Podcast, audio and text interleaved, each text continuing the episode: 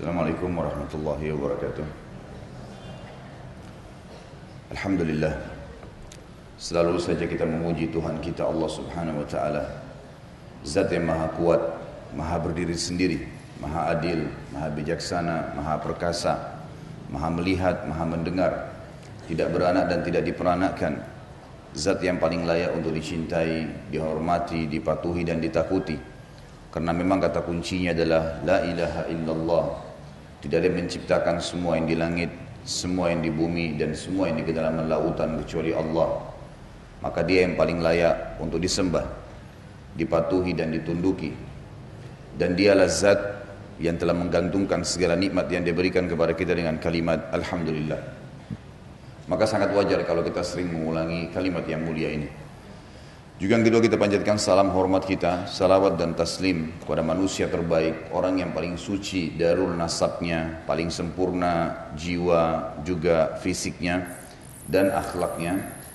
Orang yang telah dipilih oleh sang pencipta sebagai penutup risalah utusan-utusannya, para nabi dan rasul, dan yang akan menjadi pemimpin semua anak Adam dari suku mana pun di hari kiamat nanti, Nabi Muhammad sallallahu alaihi wasallam sebagaimana Allah dan malaikatnya telah memberikan salam hormat kepada beliau. Mulai hari ini dan beberapa pertemuan ke depan Bapak Ibu sekalian kita akan masuk ke bahasan tentang surga dan neraka. Tentu saja ini tidak disebutkan dalam kitab Minhajul Muslim. Makanya saya sudah sepakat dengan panitia untuk menyiapkan bukunya karena memang di buku bahasan kita Minhajul Muslim tidak ada bahasan surga dan neraka. Untuk melanjutkan bahasan kita yang lalu, kita sudah membahas panjang lebar tentang hari kiamat. Tanda-tanda hari kiamat, tanda-tanda kecil, tanda-tanda besar, dalil-dalil yang berhubungan dengan itu. Kemudian juga kita sudah membahas tentang nikmat dan azab kubur. Fakta-fakta tentang adanya kenikmatan di kuburan bagi orang beriman dan juga azab siksaan bagi orang yang berbuat kemaksiatan dan tidak sempat taubat sebelum meninggal ataupun orang-orang kafir. Dan untuk melengkapkan bahasan kita masalah hari kiamat ini kita akan bahas surga dan neraka. Dan bagi Bapak Ibu belum yang belum memiliki bukunya bisa menghubungi panitia dan kita di dalam buku ini tentu banyak buku tentang surga dan neraka tapi buku ini saya lihat yang simple, kecil, ya, padat dan juga sudah cukup dalil-dalil yang ada di dalamnya. Dan untuk pagi ini pembukaan bahasan kita kita akan mulai dari neraka dulu. Walaupun di depan buku ini bahasanya tentang surga, tapi kita akan mulai dari bahasan masalah neraka. Itu tepatnya ada di halaman 103. Halaman 103. Kalau yang pegang bukunya, kita akan mulai dari belakang. Tujuannya agar bisa mendorong setiap orang di antara kita yang masih lalai, yang masih suka berbuat maksiat atau masih malas berbuat ibadah agar termotivasi. Karena setiap kita tahu ternyata ada ancaman-ancaman Allah, kita akan takut dan khawatir. Dan akhirnya kita meninggalkan pelanggaran-pelanggaran itu. Begitu pula nanti kita akan bahas tentang surga dengan izin Allah. Tentu tidak selesai semua dengan satu kali pertemuan. Ini membutuhkan beberapa kali pertemuan. Tapi semampunya kita akan selesaikan bahasan kita semampunya berapa pasal yang bisa lalu kita lanjutkan lagi sampai buku ini tuntas dengan izin Allah. Kemudian nanti bahasan saya saya akan sampaikan sampai setengah sebelas. Untuk kali ini tidak sampai jam sebelas pagi karena ada teman-teman dari tim yang membawa sumbangan ke Syria. Saya sudah minta hadir di sini karena sumbangan Bapak Ibu yang masuk 100 juta sekian itu sudah saya serahkan ke teman-teman ini, maka saya minta beliau-beliau menjelaskan tentang keadaan di sana, karena mereka-mereka inilah yang terjun ke lapangan langsung. Jadi mereka bisa menceritakan tentang keadaan di lapangan seperti apa, dan juga ada pernyataan terima kasih tentu dari teman-teman bagaimana jemaah di sini sudah menyumbang untuk saudara-saudaranya muslim sampai 100 juta lebih. Maaf saya tidak ingat tepatnya berapa. Dan untuk sumbangan itu saya sudah bagi dua, mayoritasnya di atas 100 juta saya sudah serahkan kepada teman-teman ini, tim yang datang. Dan yang sisanya saya serahkan kepada teman-teman yang memang cuplikannya ada dikirim di WhatsApp panitia.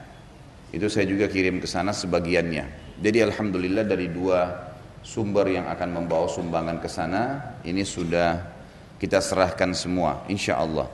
Kalaupun misalnya masih ada yang tertinggal nanti saya akan pastikan saya akan serahkan lagi lebihnya. Dan saya berharap bagi Bapak Ibu yang masih ikut partisipasi, tolong saya ditelepon. Ditelepon jangan cuma sekedar WhatsApp atau SMS karena terlalu banyak yang masuk. Saya takut nanti ada yang sempat nyetor kemudian belum sempat saya catat di data pribadi saya sehingga akhirnya saya tidak tahu. Juga sekalian berhubungan dengan semua kegiatan sosial, Bapak Ibu sekalian yang saya selalu paparkan di dalam pengajian saya dan diupload di YouTube, saya berharap di garis bawahi kata-kata saya ini, semua sumbangan yang masuk kepada saya sengaja saya gunakan rekening pribadi, sengaja saya gunakan rekening pribadi. Karena rekening, rekening pribadi itu tidak akan pernah bisa direkayasa, itu akan masuk ke saya langsung dan saya cek. Dan ini amanah di pundak saya yang saya akan jalankan dipertanggungjawabkan di hadapan Allah hari kiamat. Saya tidak menggunakan nama lembaga karena ternyata memang dari ceramah-ceramah kita saja di YouTube itu sudah banyak orang-orang yang mengambil kemudian dikomersialkan. Dipasanglah e, beragam macam nama saya di situ. Sebenarnya tidak masalah dari sisi itu ya, tetapi saya hanya khawatir saja jangan sampai ada penyalahgunaan. Termasuk juga di Android, kami sudah buka Android dan logo yang resmi adalah yang dari kami, memang dari tim saya, itu yang tertulis KHB. Kalau Bapak Ibu masuk di Play kemudian melihat ternyata di situ ada banyak foto-foto saya, maka itu dibuat oleh orang-orang yang kami tidak tahu siapa mereka. Dan ini e, termasuk juga kalau ada sumbangan-sumbangan. Kalau mengatas nama, namakan saya kemudian atas nama yayasan, atas nama orang lain selain saya, maka jelas itu bukan ke saya jadi mungkin sekaligus saya ingatkan sebagai bentuk amanah. Baik, kita akan masuk bahasan kita dengan izin Allah Subhanahu wa taala semoga diberkahi tentang masalah neraka dan poin pertama, pasal pertama adalah perintah untuk berlindung dari neraka. Bermula daripada firman Allah Subhanahu wa taala dalam surat Tahrim ayat 6. Surah nomor 66 ini أعوذ بالله من الشيطان الرجيم. يا أيها الذين آمنوا قوا أنفسكم وأهليكم نارا وقودها الناس والحجارة عليها ملائكة عليها ملائكة غلاظ شداد لا يعصون الله ما أمرهم ويفعلون ما يؤمرون. Hai orang-orang yang beriman, peliharalah dirimu dan keluargamu dari api neraka yang bahan bakarnya dari manusia dan batu. Penjaganya malaikat-malaikat yang kasar, yang keras, yang tidak mendurhakai Allah terhadap apa yang diperintahkannya kepada mereka dan selalu mengerjakan apa yang diperintahkan. Ayat ini adalah ayat yang paling pantas disebutkan di pasal pertama dan penulis diberikan taufik oleh Allah Subhanahu wa taala yaitu Syekh Wahid bin Abdul Salam Bali ini beliau uh, mendapatkan taufik menulis ayat ini karena memang paling tepat. Ayat ini perintah langsung dari Allah Azza wa Jalla kepada semua orang beriman untuk berlindung dengan lisannya berlindung dengan perbuatan-perbuatannya dengan niat-niatnya dari api neraka. Harus kita lakukan itu. Menyelamatkan diri kita dari niat dari perkataan dan juga perbuatan kita dari api neraka apa sih api neraka itu? Kenapa harus kita takut? Allah sebutkan naran nasu wal hijarah. Neraka itu adalah api yang bahan bakarnya ya, adalah manusia dan batu. Jadi manusia-manusia yang hangus, terbakar, mereka tidak mati, mereka tergeletak di atas batu-batu yang sudah membara. Kemudian mereka juga termasuk menjadi bahan bakar itu. Kemudian Allah sempurnakan lagi kembali seperti itulah. Tapi bahan dasarnya pembakarnya adalah batu. Plus lagi dijaga oleh malaikat-malaikat. Kita sudah bahas di pasal dulu di Minhajul Muslim tentang iman kepada malaikat. Siapa mereka? Makhluknya Allah SWT yang jumlahnya jauh lebih banyak daripada manusia dan kekuatannya jauh lebih besar daripada manusia. Cukuplah sebuah hadis Bukhari yang berbunyi kata Nabi SAW, Jibril pemimpin para malaikat Allah karuniahi 600 ekor sayap yang kalau satu sayapnya dikebaskan bumi ini maka akan hancur bumi ini. Masih ada 599 sayap Jibril AS yang tidak dipakai kalau hanya untuk menghancurkan kita semua. Penjaga neraka dikenal dengan nama Zabaniyah Sebagaimana ada ayat yang mengatakan fal yad'u nadiya sanad'u zabaniyah. Nanti orang-orang neraka itu pada saat masuk mereka teriak-teriak panggil semua yang mereka sembah selain Allah. Silahkan mau panggil syaitannya, mau panggil batunya, mau panggil pohon keramatnya, mau panggil manusia yang dia kultuskan sebagai orang yang bisa memberikan pertolongan padanya, maka kami akan memanggil Zabania. Zabania istilah bagi nama kelompok penjaga neraka itu sendiri. Sifat mereka dua hal yang sangat ditakuti oleh manusia sebenarnya. Kalaupun sifat ini ada pada manusia juga. Malaikat-malaikat yang giladun syidat. Gilad itu adalah kasar. Kalau ada orang kasar kata-katanya, tetapi tangannya tidak memukul misalnya, kakinya tidak menendang, masih biasa itu. Artinya orang biasa ngangkat suaranya. Tapi dalam bahasa Arab kalau digabungin antara gilavun, kata-kata yang kasar, keras, menggelegar, membuat orang takut, syidat, keras, diikuti dengan pukulan, tendangan, remukan, apa sajalah masuk dalam gilau, syidat, ya. Makanya di sini diterjemahkan terjemahannya yang ringkas adalah keras, ya. Kasar. Emang sudah begitu? Dan malaikat-malaikat ini memang Allah ciptakan begitu. Tidak ada toleransi. Tidak ada sama sekali ya negosiasi. Habis sudah ceritanya semua. Sampai nanti akan kita pelajari bagaimana ahli neraka nanti akan memanggil Malik pimpinan malaikat yang menjaga neraka sambil mereka meminta wahai Malik mintalah kepada Tuhanmu Allah agar bisa meringankan untuk kami adab sehari di dalam sebuah hadis dikatakan Malik tidak menjawab mereka 500 tahun. Didiami, dibiarkan saja. Tersiksa baru dijawab. Jawabannya pun, jawabannya pun Malik nanti setelah 500 tahun, bukankah sudah datang kepada kalian para utusan Allah, tapi kalian yang cengkal, keras kepala, nggak mau, sampai mau meninggal pun masih dikasih kesempatan taubat juga nggak mau. Nah ini rasain sekarang. Sudah disiksa sampai 500 tahun sekian, kemudian jawabannya pun malaikat seperti itu. Bukan sifat ini berarti buruk bagi malaikat itu ya bukan. Karena malaikat sifatnya Allah tutupi. Allah mengatakan, maksudnya Allah tutup ayat ini dengan menyebutkan tentang sifat mereka. Kenapa mereka kasar dan keras tadi? Karena mereka tidak pernah bermaksiat terhadap apa yang Allah perintahkan dan tidak pernah juga menolak apa yang Allah titahkan. Mereka selalu patuh. Allah suruh potong-potong, Allah suruh penggal-penggal, Allah suruh setrika-setrika. Pokoknya segala sesuatu yang diperintahkan seperti itulah. Jadi sifat kasar dan kerasnya karena perintah Rabbul Alamin kepada orang-orang yang memang maksiat. Ini juga pelajaran Bapak Ibu sekalian, ada manusia subhanallah cukup dengan peringatan lisan. Kita nasihatin atau mungkin ada orang dengan isyarat mata, dengan isyarat tangan, dia sudah faham. Misal kita mengatakan diam, dikasih isyarat tangan misalnya, sudah ngerti. Ada manusia yang subhanallah peka, dan ini manusia yang baik. Umumnya ini sifat orang beriman. Dan sifat orang munafik dan orang kafir adalah orang yang tidak bisa memang diingatkan kecuali dengan keras. Memang maunya begitu. Ada orang subhanallah nanti sudah tabrakan, sudah patah tulang, sudah bocor kepalanya, baru mau tobat. Gitu kan. Sebelumnya Allah ingatkan banyak tuh sebenarnya. Banyak sekali peringatan Allah Azza wa yang datang kepadanya supaya dia taubat peringatan-peringatan lembut dari ibunya kah, dari ayahnya kah, dari temannya kah, dari saudaranya kah, nggak mau diengah, gitu kan? Emang orang begini butuh sesuatu yang keras dan kasar baru bisa. Ada penjahat-penjahat.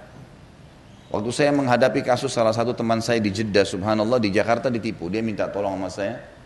Saya masuk ke kantor polisi kita dan saya kaget melihat orang-orang ini saya tahu benar mereka memang menerima duit dari teman yang ini ya yang minta tolong dengan saya subhanallah tapi di depan polisi berani bersumpah atas nama Allah kalau nggak pernah terima sampai dibawain Al-Quran tetap nggak mau.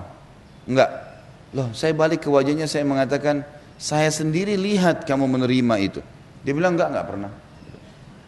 Subhanallah. Dan awal memang dia memang sudah niat menipu dia mengatakan tidak ada nggak ada surat. Memang kita sebagai muslim sama muslim saling percaya. Teman saya percaya saja. Gitu. Subhanallah perilaku perilaku. Lalu saya sampai saking tidak bisa ngontrol waktu itu saya mengatakan saya baru pertama kali diperlihatkan oleh Allah Azza Wajal penghuni neraka di dunia ini kalian. Kok bisa? Kenapa nggak mau akuin? Kenapa nggak kembalikan haknya orang? Bagaimana bisa kalian bisa tenang tidur dengan mengambil uangnya orang lain? Ini saudara muslim kalau dia berdoa buruk akan berbahaya buat kalian. Tetap saja lisannya mengatakan tidak. Orang seperti memang tidak layak, tidak bisa dengan lisan. Memang nggak mau. Harus dengan sesuatu tindakan yang keras. Di zaman Nabi Muhammad SAW, kasus Ibnu Abi Huqaiq yang menyembunyikan emas. Maka Nabi SAW tanya, apakah kalian mengambil emas itu? Mereka bilang enggak. Ini orang Yahudi ya. Kemudian Nabi SAW menyuruh Zubair bin Awam menghukum. Dicambuk sama Zubair. Setelah dicambuk, dia merasa sakit, baru dia mengaku, iya, emang saya mengambilnya. Jadi emang dicambuk baru mengaku. Tadi awal ditanya baik-baik nggak mau. Tunggu sakit dulu, baru mau mengembalikan. Ini penjahat yang luar biasa, nggak bisa, harus dengan begini memang. Maka setelah itu dipenggal oleh Nabi SAW. Ini orang sudah membuat kerusakan. Dia menggabungkan keduanya, sudah mencuri, dia berdusta lagi. Ini berbahaya kalau dibiarin dia akan lakukan kepada orang lain. Ya. Ada seorang penyihir pernah datang di sisi Hafsah radhiyallahu anha. Begitu ketahuan penyihir ditangkap dipenggal. Karena dia memang niatnya ingin menyihir pada saat itu. Kedapatan, ada banyak bukti-buktinya. Gak pakai ditolak. Abu Musa al-Ash'ari pernah membunuh seorang penyihir. Lalu ditanya oleh teman-temannya yang lain, kenapa kau bunuh orang ini? Kenapa nggak dikasih dulu ke hakim? Dia mengatakan, bukan karena Nabi SAW menyuruh memenggal lehernya penyihir? Orang ini membuat kerusakan di mana-mana. Ada orang subhanallah memang dengan ketegasan. Karena sudah, kalaupun kita tangkap atau cuma ditanya, dia bisa dusta, seribu satu dusta. Dan ini subhanallah Allah perlihatkan di depan mata saya sendiri ada beberapa orang yang tidak beriman pada Allah dan tidak takut masalah akhirat ini. Karena kedangkalan ilmu tentunya. Kalau dia faham apa yang berhubungan dengan ancaman Allah di neraka, tidak akan pernah berani mengambil haknya orang lain. Dan ingat Bapak Ibu sekalian, tujuan kita hadir di majelis ilmu seperti ini untuk mengubah diri Anda menjadi lebih dekat dengan Allah Azza wa lebih takut dan juga lebih menghormati dan lebih patuh kepada Allah SWT. Lebih takut dari sisi takut kena azabnya Allah kalau berbuat dosa terlambat bertaubat. Dari sisi yang lain termotivasi untuk melakukan ketaatan-ketaatan sehingga memang sisa umur ini berisi dengan kepatuhan dan masuk ke surga. Itu tujuannya. Jadi di sini saya bukan sengaja menakut-nakuti, tapi memang seperti inilah penyampaian wahyu dari Allah Subhanahu wa taala. Malaikat-malaikat ini tidak akan pernah ada negosiasi di api neraka. Dan Allah sudah buka atau menjelaskan kepada kita dalam surah At-Tahrim 1400 tahun yang lalu turun ayat ini. Dan semua orang beriman, yang memang dalam hatinya ada iman, dia akan khawatir dan takut untuk melangkah pada kemaksiatan setelah mendengar ayat-ayat seperti ini. Allah subhanahu wa ta'ala juga menjelaskan tentang karakter ibadur rahman, hamba-hamba Allah dalam firman-Nya dalam surah Al-Furqan ayat 65 sampai 66. A'udzu billahi minasyaitonir rajim. Walladzina yaquluna rabbana asrif 'anna 'adzab jahannam inna 'adzabaha kana gharama innaha sa'at mustaqarra wa muqama. Hamba-hamba Allah yang beriman berkata, "Ya Rabb kami, Rob sudah pernah saya jelaskan pencipta, pemilik, pengurus, penyiap segala kebutuhan ya dan pemusnah. Wahai Rob kami, jauhkanlah azab, azab siksaan, jahannam dari kami. Sesungguhnya azabnya itu adalah kebinasaan yang kekal. Karena orang disiksa, dibakar, dipotong, dicincang, rusak semua kulitnya, disempurnakan lagi. Enggak ada kematian, terus menerus per detiknya dia merasakan sakit. Sampai para ulama mengatakan selain siksaan yang merusak tubuhnya pemulihan kembali ke kulit yang baru juga sakit. Lalu disiksa lagi dengan kesakitan. Begitu terus. Makanya dikatakan siksaan yang sifatnya kekal kebinasaan yang kekal. Sesungguhnya jahanam itu seburuk-buruk tempat menetap dan tempat kediaman. Ini surah Furqan ayat 65 sampai 66 Setelahnya, dan ini kita akan temukan hal yang sama Bapak Ibu sekalian di dalam buku kita ini, tidak semuanya ayat Al-Quran ditulis ayat bahasa Arabnya. Langsung terjemahan karena mungkin banyaknya ayat yang akan diangkat. Jadi kita melihat surah Al-Ma'arij, dibuka Al-Qurannya karena di buku ini tinggal terjemahannya, ayat 27 sampai 28. Ayat 27-nya bunyinya, A'udzubillahi minasyaitonirrajim walladzina hum min rabbihim musyfikun dan orang-orang yang takut terhadap azab Robnya. Inna azab Rabbihim ghairu ma'mun. Karena sesungguhnya azab Rob mereka tidak dapat orang merasa aman dari kedatangannya. Artinya berbahaya kalau orang itu merasa santai, tenang, seakan-akan kalau dia buat maksiat tidak akan ada masalah buat dia, ini kekonyolan. Saya ulangi kembali, harus Bapak Ibu tahu dan yakini semua pelanggaran agama sekecil apa pun akan ada konsekuensi pembersihannya. Jadi harus paham masalah ini. Kemudian selanjutnya surah Az-Zumar ayat 15.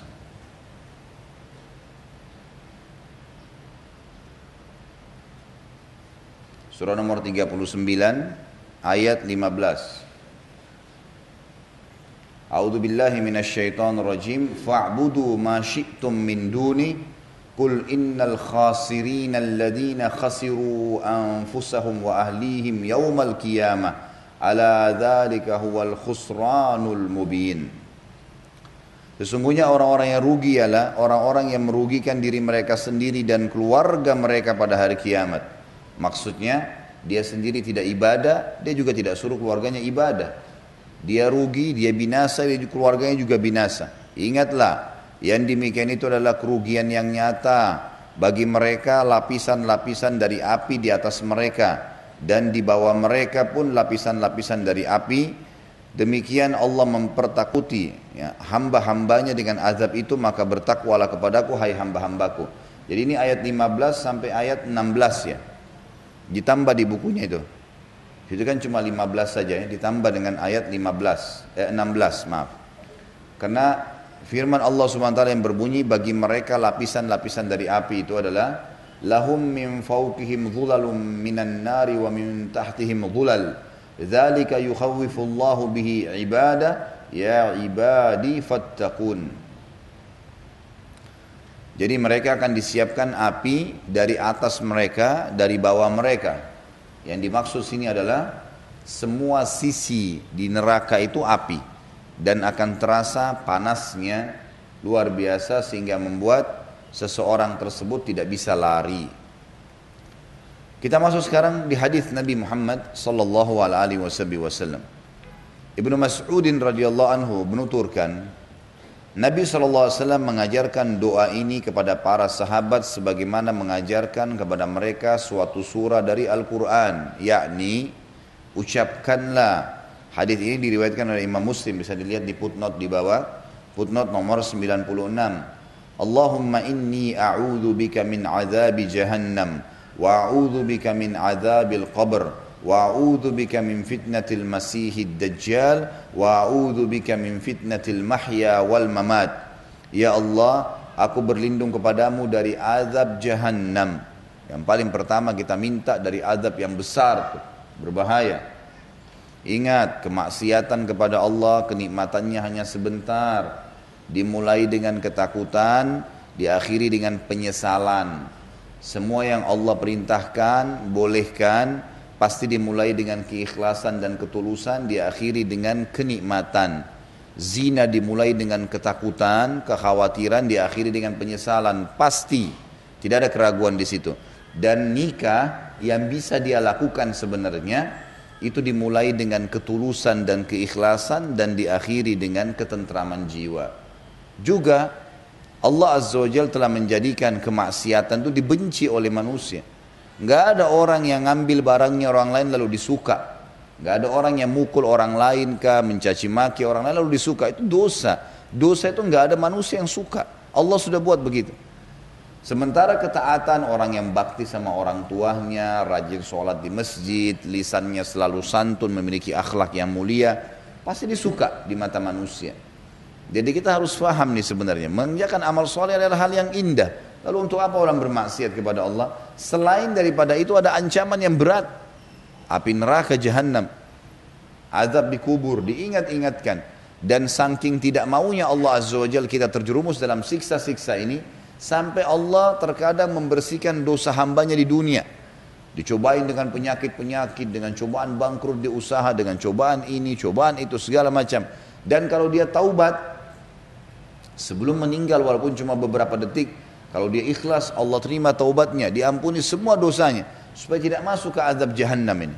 Walaupun derajatnya di surga kan sangat rendah, Tetapi subhanallah selamat dari azab karena Allah tahu siksa ini. Ingat para ulama pun menanggapi kasih sayang Allah ini sampai kepada perampok-perampok nih yang ketangkap, kepergok, digeroyokin, dikeroyokin oleh masyarakat, babak belur sampai luka parah masuk rumah sakit mungkin di ICU atau mungkin meninggal. Itu juga bentuk kasih sayang Allah. Kenapa? Karena Allah tahu orang ini kalau nggak di, ditangkap nih, nggak dikeroyokin, mencuri terus nih. Gitu kan. Allah berhentiin karena Allah tahu ini orang nggak ngerti nanti dia kalau mati di akhirat masuk neraka. Gitu. Itu lebih berat buat dia. Lebih baik sekarang digebukin oleh orang. Dan sebelum digebukin Allah sudah buat tuh. Dia takut, dia khawatir, pernah ketangkap, kepergok sekali. Tapi tetap ngotot melakukan. Maka bentuk kasih sayang Allah ini kepergokin. Tangkap, potong tangannya. Tangkap, dipukul gitu kan. Dan itu adalah bentuk kasih sayang Allah kepada dia. Supaya dia tidak masuk ke neraka jahanam yang akan kita dengarkan banyak tentang luar biasa luar biasa. Orang kalau habis baca ini bapak ibu sekalian saya kalau baca buku ini udah rasanya apa yang apa gunanya kita melakukan pelanggaran tuh? Nggak ada manfaatnya sedikit pun. Nggak ada manfaatnya. Ketakutan ketakutan kenikmatan juga yang hanya terpaksa buru-buru dan juga azabnya berat. Ya, hukumannya berat. ya. Nanti kita akan dengar kemudian yang kedua wa'udzubika min adzabil qabr Aku berlindung kepadamu dari azab kubur dan sudah kita jelaskan pada pertemuan-pertemuan kita yang lalu, azab kubur akan datang kepada seseorang walaupun belum pasti dia masuk ke neraka. Ada orang bermaksiat misalnya, suka gunjing orang misalnya. Sebagaimana hadis yang pernah kita jelaskan waktu Nabi SAW lewat di dua kuburan, beliau berkata apa? Sesungguhnya dua penghuni kuburan ini sedang disiksa dan mereka menganggapnya bukan dosa besar, tapi ketahui itu dosa besar. Yang satu tidak cebok pada saat kencing. Ya.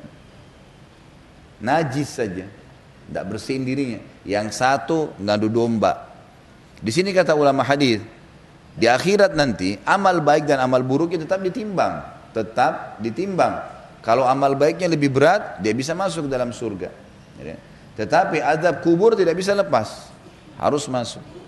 Ingat kisah Uthman, kisah Uthman radhiyallahu anhu. Ya Utsman bin Affan yang mulia, beliau radhiyallahu anhu pernah menangis waktu membaca ayat tentang kuburan.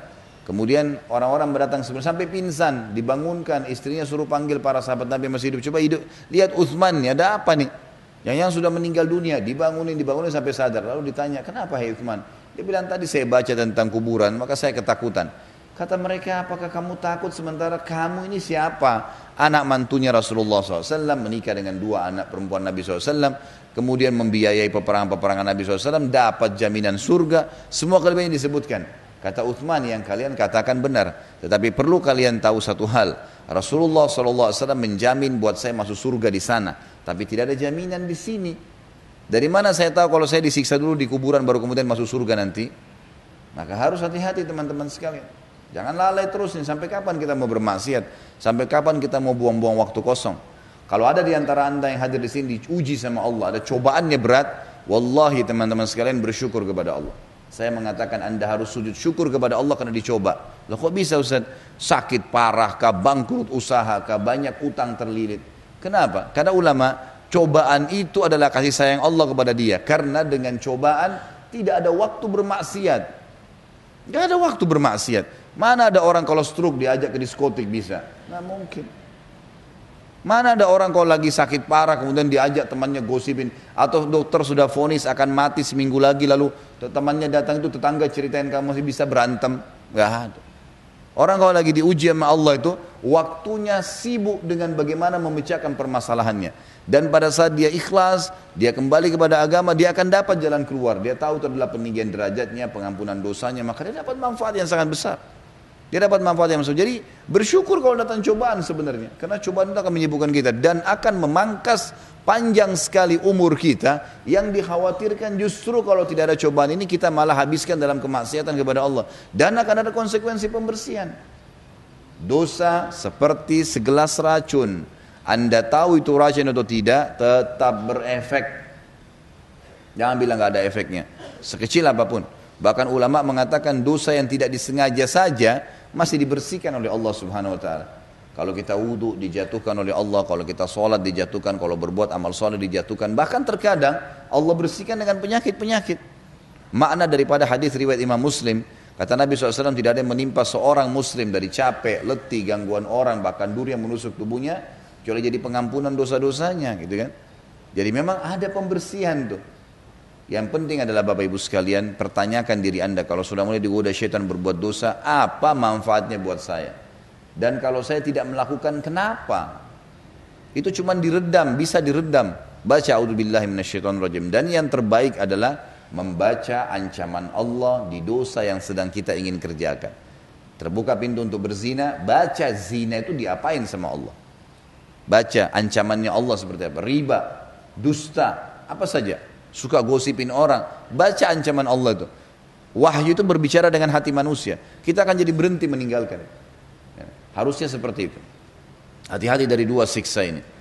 Kubur dan juga adab neraka jahanam. Makanya Ibnu Mas'ud mengatakan Nabi SAW ajarkan kami ini untuk kami fahamin, kami hafal, kami amalkan. Ya, yang paling ada empat potongan doa yang kita minta. Yang pertama minta dari neraka jahanam. Berikut juga bukan cuma sekedar minta diselamatkan sama Allah, supaya perilaku perilaku saya, niat niat saya, perkataan saya selama di dunia jauh dari neraka jahanam ya Allah. Juga semua niat-niat saya, perbuatan saya, perkataan saya jauh, jauh dari adab kubur. Itu makna daripada doa ini. Makanya dianjurkan sekali sebelum salam hafal mati doa ini. Kemudian dibaca. Dan memang kemarin teman-teman panitia juga sudah minta buku doa. Di buku doa itu juga ada doa-doa sholat. Ada 23 macam doa sebelum salam di antaranya doa ini. Dan itu dianjurkan coba cicil hafal kemudian amalkan. Dan mulai sekarang tepis semua godaan syaitan yang mengatakan kau tidak bisa, hafalan susah. Itu semua was-was syaitan. Harus dicoba. Kalau kita sudah hafal ada yang dilupa satu baris, dua baris, biasa. Imam haram aja lupa hafalannya kok. Diulangin setelah itu. Karena syaitan tidak mau kita menghafal wirid-wirid, doa-doa yang diperintahkan Nabi SAW, zikir-zikir yang ada sunnahnya. Karena itu sangat mendekatkan kita kepada Allah subhanahu wa ta'ala. Potongan yang ketiga, wa'udhu bika min fitnatil masihid dajjal dan jauhkanlah kami dari fitnah masihid dajjal. Fitnah adalah cobaan, sesuatu yang dibenci oleh jiwa manusia. Dajjal sudah kita jelaskan, orang yang akan keluar nanti tanda-tanda hari kiamat besar membuat kerusakan di muka bumi. Kita minta agar dijauhkan dari fitnah dajjal. Artinya kita tidak ketemu dengan dia meninggal sebelum dia keluar ataupun kalau kita hidup di masanya maka kita tidak dipertemukan oleh Allah dengan Dajjal sehingga selamat dari fitnahnya.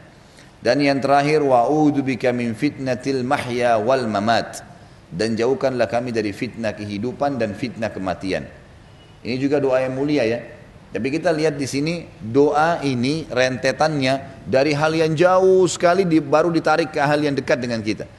Diminta jauhkan diri dari neraka jahanam dulu. Mundur, kubur, mundur fitnah dajjal, tanda-tanda kiamat besar, baru fitnah kehidupan dan kematian. Artinya sesuatu yang jauh di sana itu induknya, kita harus berlindung, gitu kan. Fitnah kehidupan semua yang bisa menjurumuskan seseorang pada hal-hal yang menyusahkan hidupnya, apa pun itu sifatnya. Ya. Juga fitnah kematian adalah yang membuat matinya mati yang tidak tidak baik. Ya, orang menilai keburukan baginya. Ya, mungkin orang akan menganggap dia tidak baik karena su'ul khatimah. Ya kan? Itu yang dimaksud. Saksi bahasan kita minta dijauhkan dari adab jahannam. Hadis yang kedua, hadis yang diriwayatkan oleh Imam Bukhari dalam menjelaskan tafsir surah Al-Baqarah ayat 201. Anas bin Malik radhiyallahu anhu mengatakan kebanyakan doa Nabi sallallahu alaihi wasallam ialah Rabbana atina fid dunya hasana wa fil akhirati hasana. Akhirnya saksi bahasan kita. Wakina azaban nar. Ini saksi bahasan kita. Ya Allah berikanlah aku ini atau berikanlah kami semua kebaikan di dunia. Apa pun yang dibutuhkan dalam bentuk kebaikan dunia berikan ya Allah. Dan semua kebaikan nanti di akhirat. Serta selamatkan kami dari api neraka. Ini doa Nabi SAW yang paling banyak yang ketiga dalam pasal pertama kita ini adalah hadis Nabi SAW diriwayatkan oleh Mundri dan beliau mengata, menyebutkan di dalam kitab Targhib diriwayatkan oleh Abi Ya'la dengan sanad sesuai dengan syarat Imam Bukhari Muslim. Maksudnya hadisnya sahih. Abu Hurairah radhiallahu anhu meriwayatkan Rasulullah SAW bersabda, "Mastajara 'abdun minan nari sab'a marrat illa qalatin nar ya Rabbi" inna abdaka fulanan istajaraka istajara minni fa'ajirhu wala sa'ala abdun abdunil jannata sab'a marrat illa qalatil jannah ya rabbi inna abdaka fulanan sa'alani fa'adkhilhul jannah Tidaklah seorang hamba memohon perlindungan kepada Allah dari neraka sebanyak tujuh kali. Melainkan neraka mengatakan, Wahai Rabb, hambamu fulan memohon perlindungan dariku ya, supaya tidak dimasukkan ke dalamku maka lindungilah ia dan tidak ada seorang hamba pun memohon surga sebanyak tujuh kali melainkan surga akan mengatakan ya wahai Rabb hambamu fulan memohon agar dimasukkan ke dalamku maka masukkanlah ia ke dalamku hadis ini memberikan pelajaran kepada kita yang pertama adalah yang saya ingin titik beratkan berhubungan dengan akidah neraka dan surga punya suara dan berbicara. Punya suara dan berbicara. Dan ini wajib diimani apa adanya. Orang yang tidak mengimani ini berarti tidak menghormati baginda Nabi SAW. Nabi SAW sudah sampaikan, tidak boleh ditakwilkan maknanya.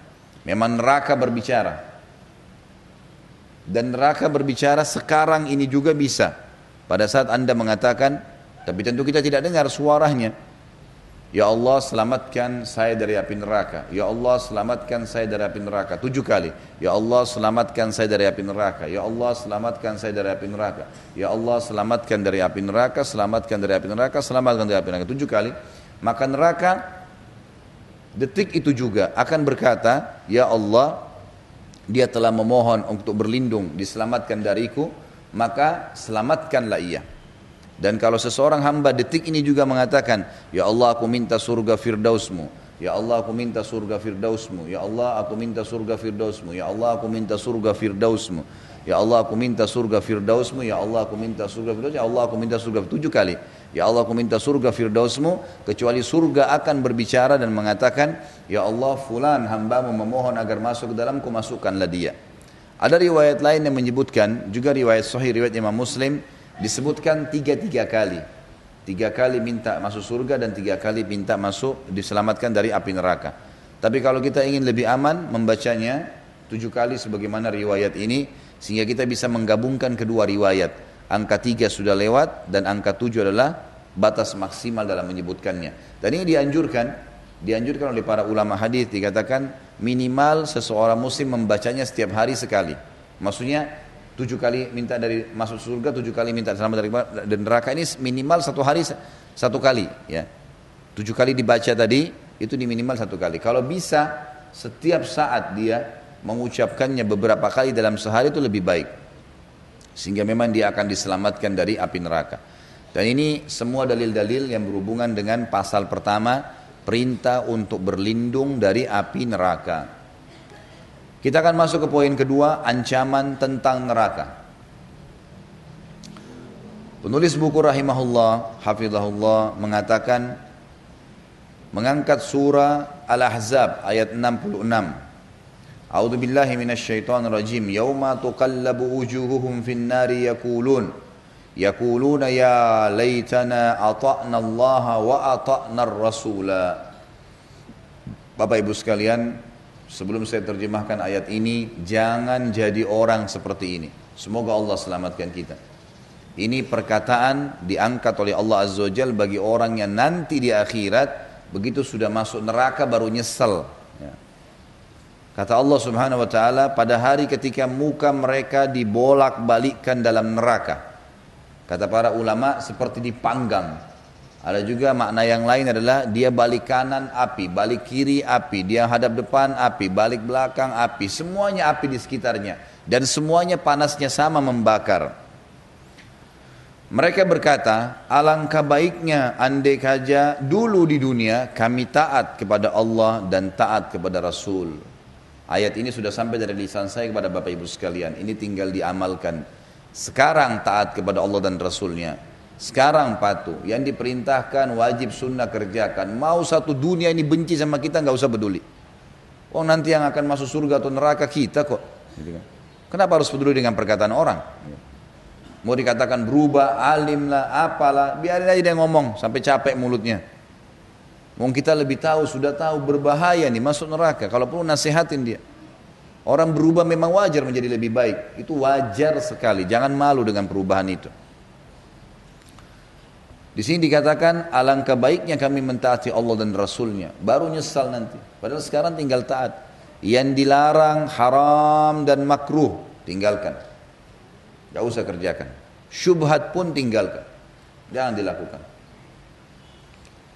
Kisah yang menarik dari seorang Muhammad bin Sirin saya tambahkan di sini. Muhammad bin Sirin ini salah satu dari ulama tabi'in.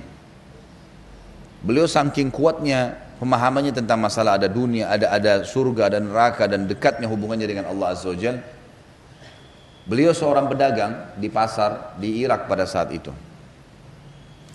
Suatu hari datang seorang pedagang yang lain dari luar Irak kemudian membawa dagangan dan dia kalau beli dagangan itu kemudian dia sebarkan ke pasar yang dia sedang berdagang, dia bisa untung 40 ribu dirham. Ini banyak sekali, bisa ratusan juta mungkin ya.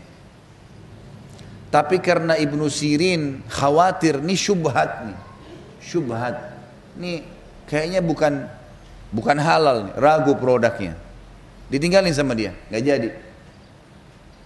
Pedagang ini ya, sampai maksa, nggak, saya nggak mau. 40 ribu dirham keuntungan nih, tiba-tiba begitu sudah dibeli, dijual, langsung laku 40 ribu dirham keuntungannya. Enggak, saya enggak mau, ini syubhat. Sampai satu pasar heboh, Ibnu Sirin meninggalkan keuntungan 40 ribu dirham. Ini langsung bisa jadi orang yang luar biasa pada hari itu dapat keuntungan dalam sehari. Enggak ada yang enggak mau, karena ini syubhat. Lalu dijuallah kepada beberapa orang dan orang itu membelinya.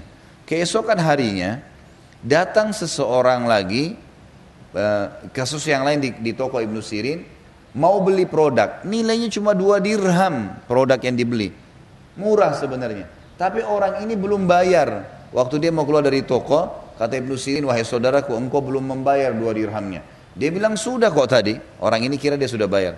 Kata Ibnu Sirin, demi Allah kau belum bayar. Orang ini mengatakan, demi Allah saya sudah bayar. Ribut sama Ibnu Sirin. Sampai orang-orang pasar semua pada datang. Di, di, di, mereka tahu ceritanya Ibnu Sirin bersumpah mengatakan demi Allah dua dirham kau belum bayar. Rebut dua dirham dengan sumpah atas nama Allah. Sampai orang ini karena lihat ngotot-ngototan dia malu, dia bayar dua dirham lalu dia pergi. Kata Ibnu Sirin kalau kau tidak mau bayar kembalikan barang saya. Kau belum bayar kok itu. Pulanglah orang ini lalu teman-temannya bilang semua, wahai Ibnu Sirin, kemarin anda meninggalkan 40 ribu dirham karena takut syubhat sekarang anda bersumpah gara-gara dua dirham. Perhatikan apa jawaban dia. Orang yang beriman pada Allah dan tahu hari akhir berbeda pemikirannya. Dia mengatakan demi Allah saya akan bersumpah untuk mengambil dari dia karena itu haram bagi dia. Dia belum bayar. Saya takut dia masuk neraka karena saya tahu itu. Pertahankan dua dirham agar saudaranya nggak masuk neraka dan ditinggalkan syubhat 40 ribu dirham teman-teman sekalian. Bagaimana kekuatan iman seorang Ibnu Sirin yang memahami masalah itu? Dalam kisah lain, beliau pernah membeli madu satu gentong besar. Ini kalau kita sekarang mungkin 200-250 kilo madu. Madu yang bagus. Ibnu Sirin nggak punya duit waktu itu. Orang ini nawarin bagus kualitasnya. Ibnu Sirin minta jatuh tempo dikasih. Baiklah, tiga pekan sebulan jatuh tempo. Ditaruhlah madu tersebut digentong Ibnu Sirin dipindahkan wadahnya. Subhanallah Begitu sudah selesai mau tutup tokohnya, Ibnu Sirin lupa tutup madu itu. Gentongnya lupa ditutup. Waktu besok pagi Ibnu Sirin ingin buka rahimahullah tokonya, didapat ada tikus di atas madu itu. Di dalam gentong bagian atas. Mati tikusnya. Apa yang Ibnu Sirin lakukan? Kira-kira Bapak Ibu kalau seperti ini apa yang Bapak Ibu lakukan? Hah? 250 kilo.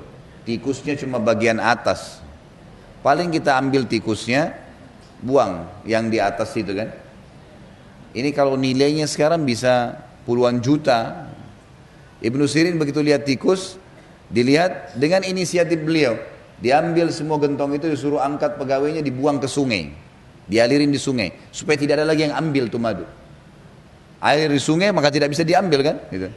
Sengaja dia tidak bukan buang sembarangan. Orang bisa salah gunakan. Dibuang sama dia. Ditanya sama teman-temannya, wahai Ibnu Sirin apa yang anda lakukan?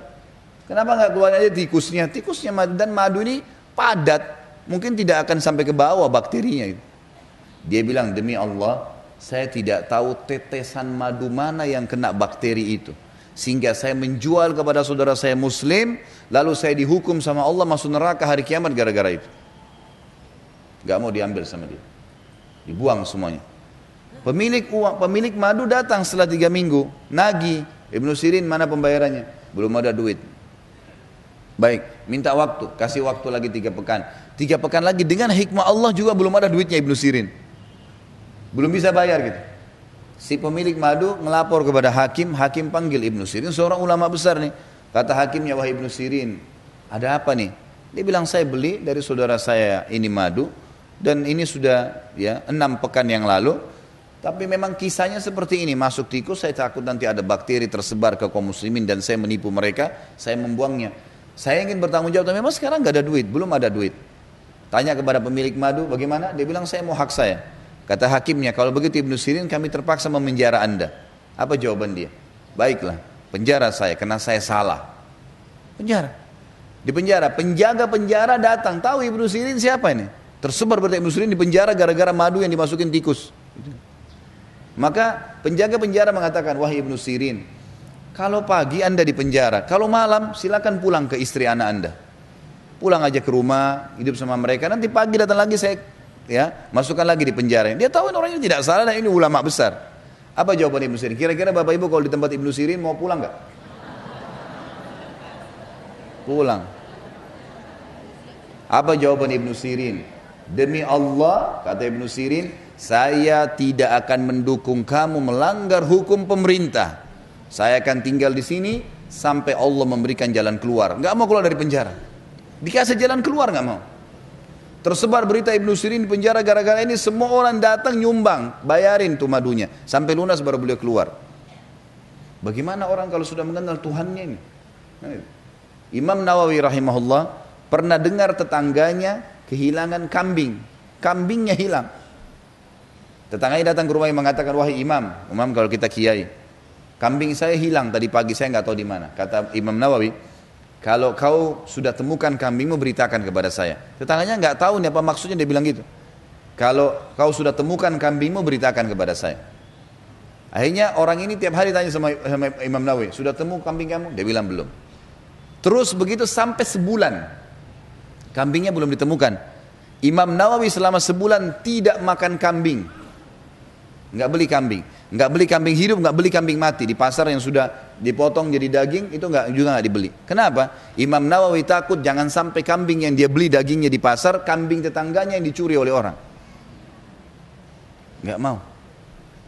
Coba pertemukan dengan kehidupan kita yang selalu anggap remeh, nggak apa-apa deh syubhat ah nanti aja, gitu kan. Sekarang kan kita tidak tahu makan aja nanti urusan belakang. Gitu. Ini nggak boleh ini semua. Orang yang tahu ada hukuman hari kiamat teman-teman dia akan hati-hati sekali. Dan memang begitu. Kita harus mengontrol hidup kita. Karena kalau tidak bahaya sekali ini. Begitulah kepekaan mereka dalam ya menjaga hubungan dengan Allah Subhanahu wa taala. Ingat Al-Ahzab tadi 66 menjelaskan orang di api neraka berharap mentaati Allah dan Rasulnya selama hidup di dunia. Dan menjadi orang soleh dan solehah itu enak. Enak itu. Karena terkontrol, terawasi. Yang dia makan, yang dia minum, yang dia hirup, yang dia sentuh, semua yang hanya dibolehkan oleh pencipta alam semesta. Itu sebuah luar biasa, itu sebuah uh, uh, peraturan hidup, disiplin hidup yang luar biasa. Luar biasa gitu. Ya. Kalau kita diawasi oleh atasan dan kita berhasil ikuti peraturan, kita sudah bangga. Gimana kalau yang ngawasin kita Rabbul Alamin dan kita merasa bangga dengan itu? Itu satu hal yang luar biasa, gitu kan. Surah Al-Qamar, dalil kedua ayat 48. A'udzu billahi minasyaitonir rajim. Yauma yushabuna fin nari ala wujuhihim dzuqu massa saqar. Ingatlah pada hari mereka diseret ke neraka jahanam di atas muka mereka. Jadi orang-orang yang masuk neraka jahanam tidak ada lagi cuma sekedar digiring, didorong, dimasukkan neraka enggak. Ditaruh wajahnya di tanah, diseret wajahnya. Itu jelas sudah luka berdarah, dilempar lagi ke dalam api neraka dibakar. Wa naudzubillah dan dikatakan lagi pada mereka rasakan sentuhan api neraka atau ya lalapan api neraka. Saksi bahasan kita di sini adalah masalah adanya api neraka tadi yang disebutkan di dalam ayat ya ada ancaman. Kemudian masuk kepada hadis Nabi Muhammad SAW diriwayatkan Imam Bukhari Muslim dan itu bisa dilihat di footnote-nya nomor 99 footnote-nya di bawah. Adi bin Hatim radhiyallahu anhu meriwayatkan Rasulullah SAW bersabda, "Ittaqun nara walau bisyiqqi tamra." Faman lam faman lam yajid fa bi kalimatin tayyibah. Ya. Ini uh, yang punya buku kata-kata tajid dalam bahasa Arab diganti taknya menjadi ya ya diganti menjadi ya. Faman lam yajid. Ada pulpen akhir. Faman lam yajid fabi kalimatin tayyibah. Takutlah kalian kepada neraka. Ya. Dengan menyedekahkan walaupun cuma secuil kurma. Barang siapa yang tidak menemukan, tidak sanggup, maka dia berkata-kata yang baik. Hadis ini ada penyebabnya. Jadi Nabi SAW pernah melihat di pintu gerbang Madinah, masuk ke Madinah, ada beberapa orang yang miskin sekali kelihatan. Wajah mereka kelihatan karena susahnya sampai kulitnya merah kehitam-hitaman gitu kan. Badan mereka kurus, kain yang di baju mereka di badan mereka cuma satu lembar yang kalau ditiup angin tersingkap. Maka Nabi SAW sebelum sahabat-sahabat ini Orang-orang Badui padang pasir ini datang, beliau naik ke atas mimbar lalu menasihatin para sahabat setelah tahmid kepada Allah Subhanahu wa taala memuji Allah lalu membaca salawat buat diri beliau sallallahu alaihi wasallam. Lalu kemudian beliau memotivasi sahabat untuk ya e, menyumbang, untuk menyumbang.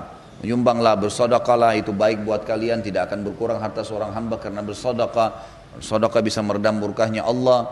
Terus Nabi SAW motivasi sampai keluar hadis ini. Beliau mengatakan, Selamatkan diri kalian dari api neraka walaupun dengan ya syikit tamar. Syikit tamar sebenarnya kalau kita tadi tulis terjemah secuil kurma ya. Sebenarnya syik itu lebih tepatnya kalau kalian punya kurma satu di rumah, satu buah, bagi dua. Setengahnya kalian makan, setengahnya bawa ke sini. Saking pentingnya disuruh menyelamatkan diri dari api neraka. Kalau ada orang yang tidak bisa menyumbang buat saudara-saudara ini, minimal dengan kalimat yang baik. Artinya, sabar ya, insya Allah nanti Allah bukakan kalian rezeki. Itu minimal. Kalau kita lihat fakir miskin dan tidak mampu membantunya, maka minimal dengan kata-kata santun, ya, kata-kata baik. Maka para sahabat pun akhirnya berlumba-lumba pada saat itu ingin menyumbang. Tetapi ada sahabat satu yang jeli. Dia berdiri lalu di hadapan Nabi SAW dia mengatakan ya Rasulullah dikeluarin dari kantongnya beberapa dirham ini saya sodakahkan. Lalu yang lain pada ngerumun nyumbang semuanya. Kata Nabi SAW keluar lagi hadis yang lain. Man sanna fil islami sunnatan hasana. Siapa yang memberikan contoh yang baik dalam Islam. Falahu ajru man tabi'ahu. Min ghairin yangkus min ajri tabi'ihi syai'a. Maka dia akan dapat pahala orang-orang yang mengikutinya tanpa dikurangi pahala sedikit pun dari orang yang mengikutinya. Jadi kalau ada permintaan sumbangan, orang yang paling pertama jadi contoh, itu panen pahala semuanya tuh, orang yang ikut setelahnya. Jadi ini bergegas dalam ramal sholat, tidak ada waktu untuk menunda-nunda gitu. Itu yang dimaksud dalam hadis ini. Hadis ini menjelaskan kepada kita bahwasanya kita disuruh menjauhkan diri dari api neraka sampai dengan eh, setengah butir kurma. Artinya jangan pernah ada kesempatan sodaka disia-siain. Banyak orang di antara kita cuma nonton saja kalau orang berbuat baik. Termasuk Bapak Ibu sekalian masjid-masjid yang ada di dekat rumah Anda semuanya yang lagi taruh celengan masjid. Sudah sumbang kemarin misalnya 10 ribu, anggap 100 ribu. Hari ini lewat kira-kira nyumbang lagi nggak? Hah? Kenapa nggak nyumbang lagi? Kemarin sudah nyumbang, itu kemarin sudah dicatat sama malaikat. Hari ini nggak pengen buku amal ditulis lagi, sumbang lagi. Ada fakir miskin datang depan rumah ketuk-ketuk pintu, sudah dibantu kemarin kasih 100 ribu. Datang lagi hari ini. Syaitan pasti goda, ini orang lagi yang datang nih. Alhamdulillah kamu datang lagi. Butuh apa? Ini dikasih. Kasih bantuan. Sumbang. Karena dia yang datang itu hanya dapat manfaat duniawi, hanya itu saja. Kita dapat manfaat ukhrawi, selamat dari api neraka, bisa ninggin derajat di surga. Sampai Abdullah bin Umar dan Abdullah bin Abbas radhiyallahu anhum ajma'in, itu kalau orang tiap hari ada orang miskin datang ke rumahnya minta. Kalau tidak datang dikejar sama dia, dicari. Mana itu orang miskin yang biasa minta? Kita malah bersyukur kalau tidak datang lagi gitu kan. Jadi mestinya kita faham nih, mengejar akhirat dengan memperbanyak amal soleh. Jangan cuma tonton orang lain berbuat.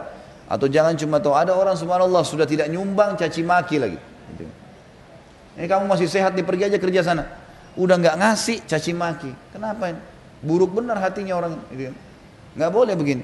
Selamatkan diri ya. Kalau ada kesempatan sodaka, bersodaka dan itu akan menyelamatkan dari api neraka. Harusnya begitu. Sekecil apa pun yang kita berikan di jalan Allah SWT akan bermakna, akan bermakna. Orang-orang ini hanya sekedar menerima manfaat duniawi kita mendapatkan manfaat ukhrawiyahnya. Ini makna daripada hadis Nabi sallallahu Ini Ibu perlu pulpennya. Ini makna hadis Nabi sallallahu alaihi wasallam yang tadi selamatkan diri kalian walaupun dengan ya setengah kurma saja, setengah kurma. Jadi artinya kalau kau tidak punya kecuali satu bungkus roti, bagi dua kasih fakir miskin lagi. Gitu kan. Sampai seperti itu kita dimotivasi. Wais al-Qarni rahimahullah seorang ulama tabi'in, beliau itu miskin sekali. Saking miskinnya kalau makan selalu pungut-pungut makanan dari sampahnya orang. Sisa makanan. Dicari yang masih bagus, diambil sama dia. Kemudian dibersihin, dipanasin lagi, dibagi dua, kasih orang miskin yang lain setengahnya. Susahnya hidupnya tapi masih bisa berbagi. Kita kadang-kadang melimpah-limpah subhanallah di rumah dibuang, di sampah, sayang. Kenapa nggak dikasih kepada orang? Gitu kan. Ini mesti kita pikirkan agar dimasukkan dalam program menjauhkan dari api neraka dengan bersedekah. Yang kelima, hadis ya, tadi sudah tentu kita sudah sebutkan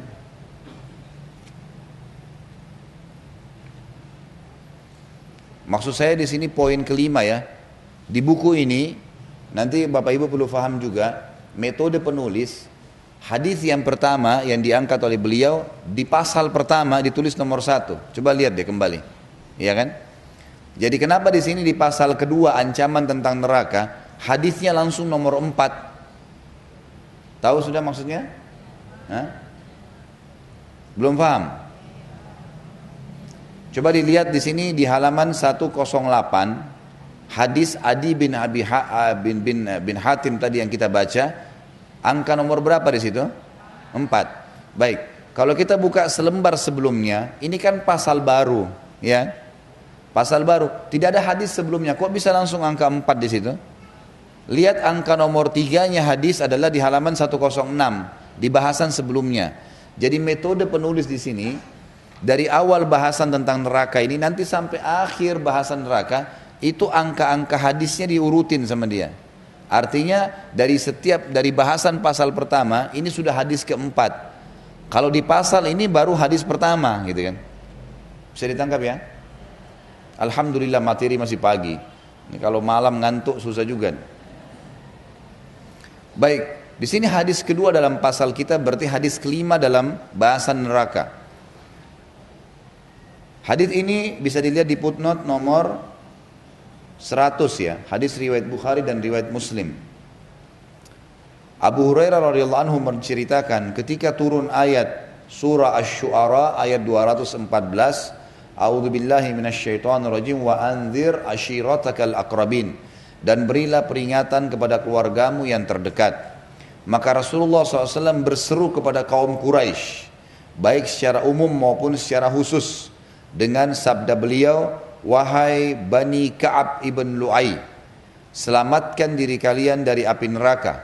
Wahai Bani Murrah bin Ka'ab Selamatkan diri kalian dari api neraka. Wahai Bani Abdul Muttalib Selamatkan diri kalian dari api neraka Wahai Fatimah anak beliau yang paling beliau cintai radhiyallahu anha selamatkan dirimu dari api neraka sesungguhnya Aku tidak memiliki sesuatu untuk kalian yang bisa membebaskan kalian dari murka Allah.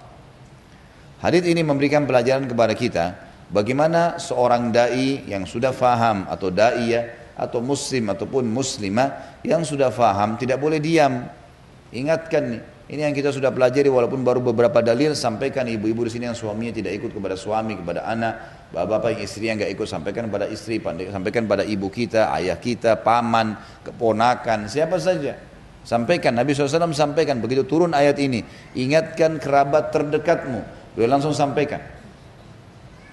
Dan beliau menyebutkan nama-nama ya suku-suku Quraisy di Mekah semuanya suku-suku induknya setelah menyebutkan suku-suku induk ini agar selamatkan dari api neraka, maksudnya beramal solehlah kalian, tinggalkanlah perbuatan-perbuatan maksiat dan dosa.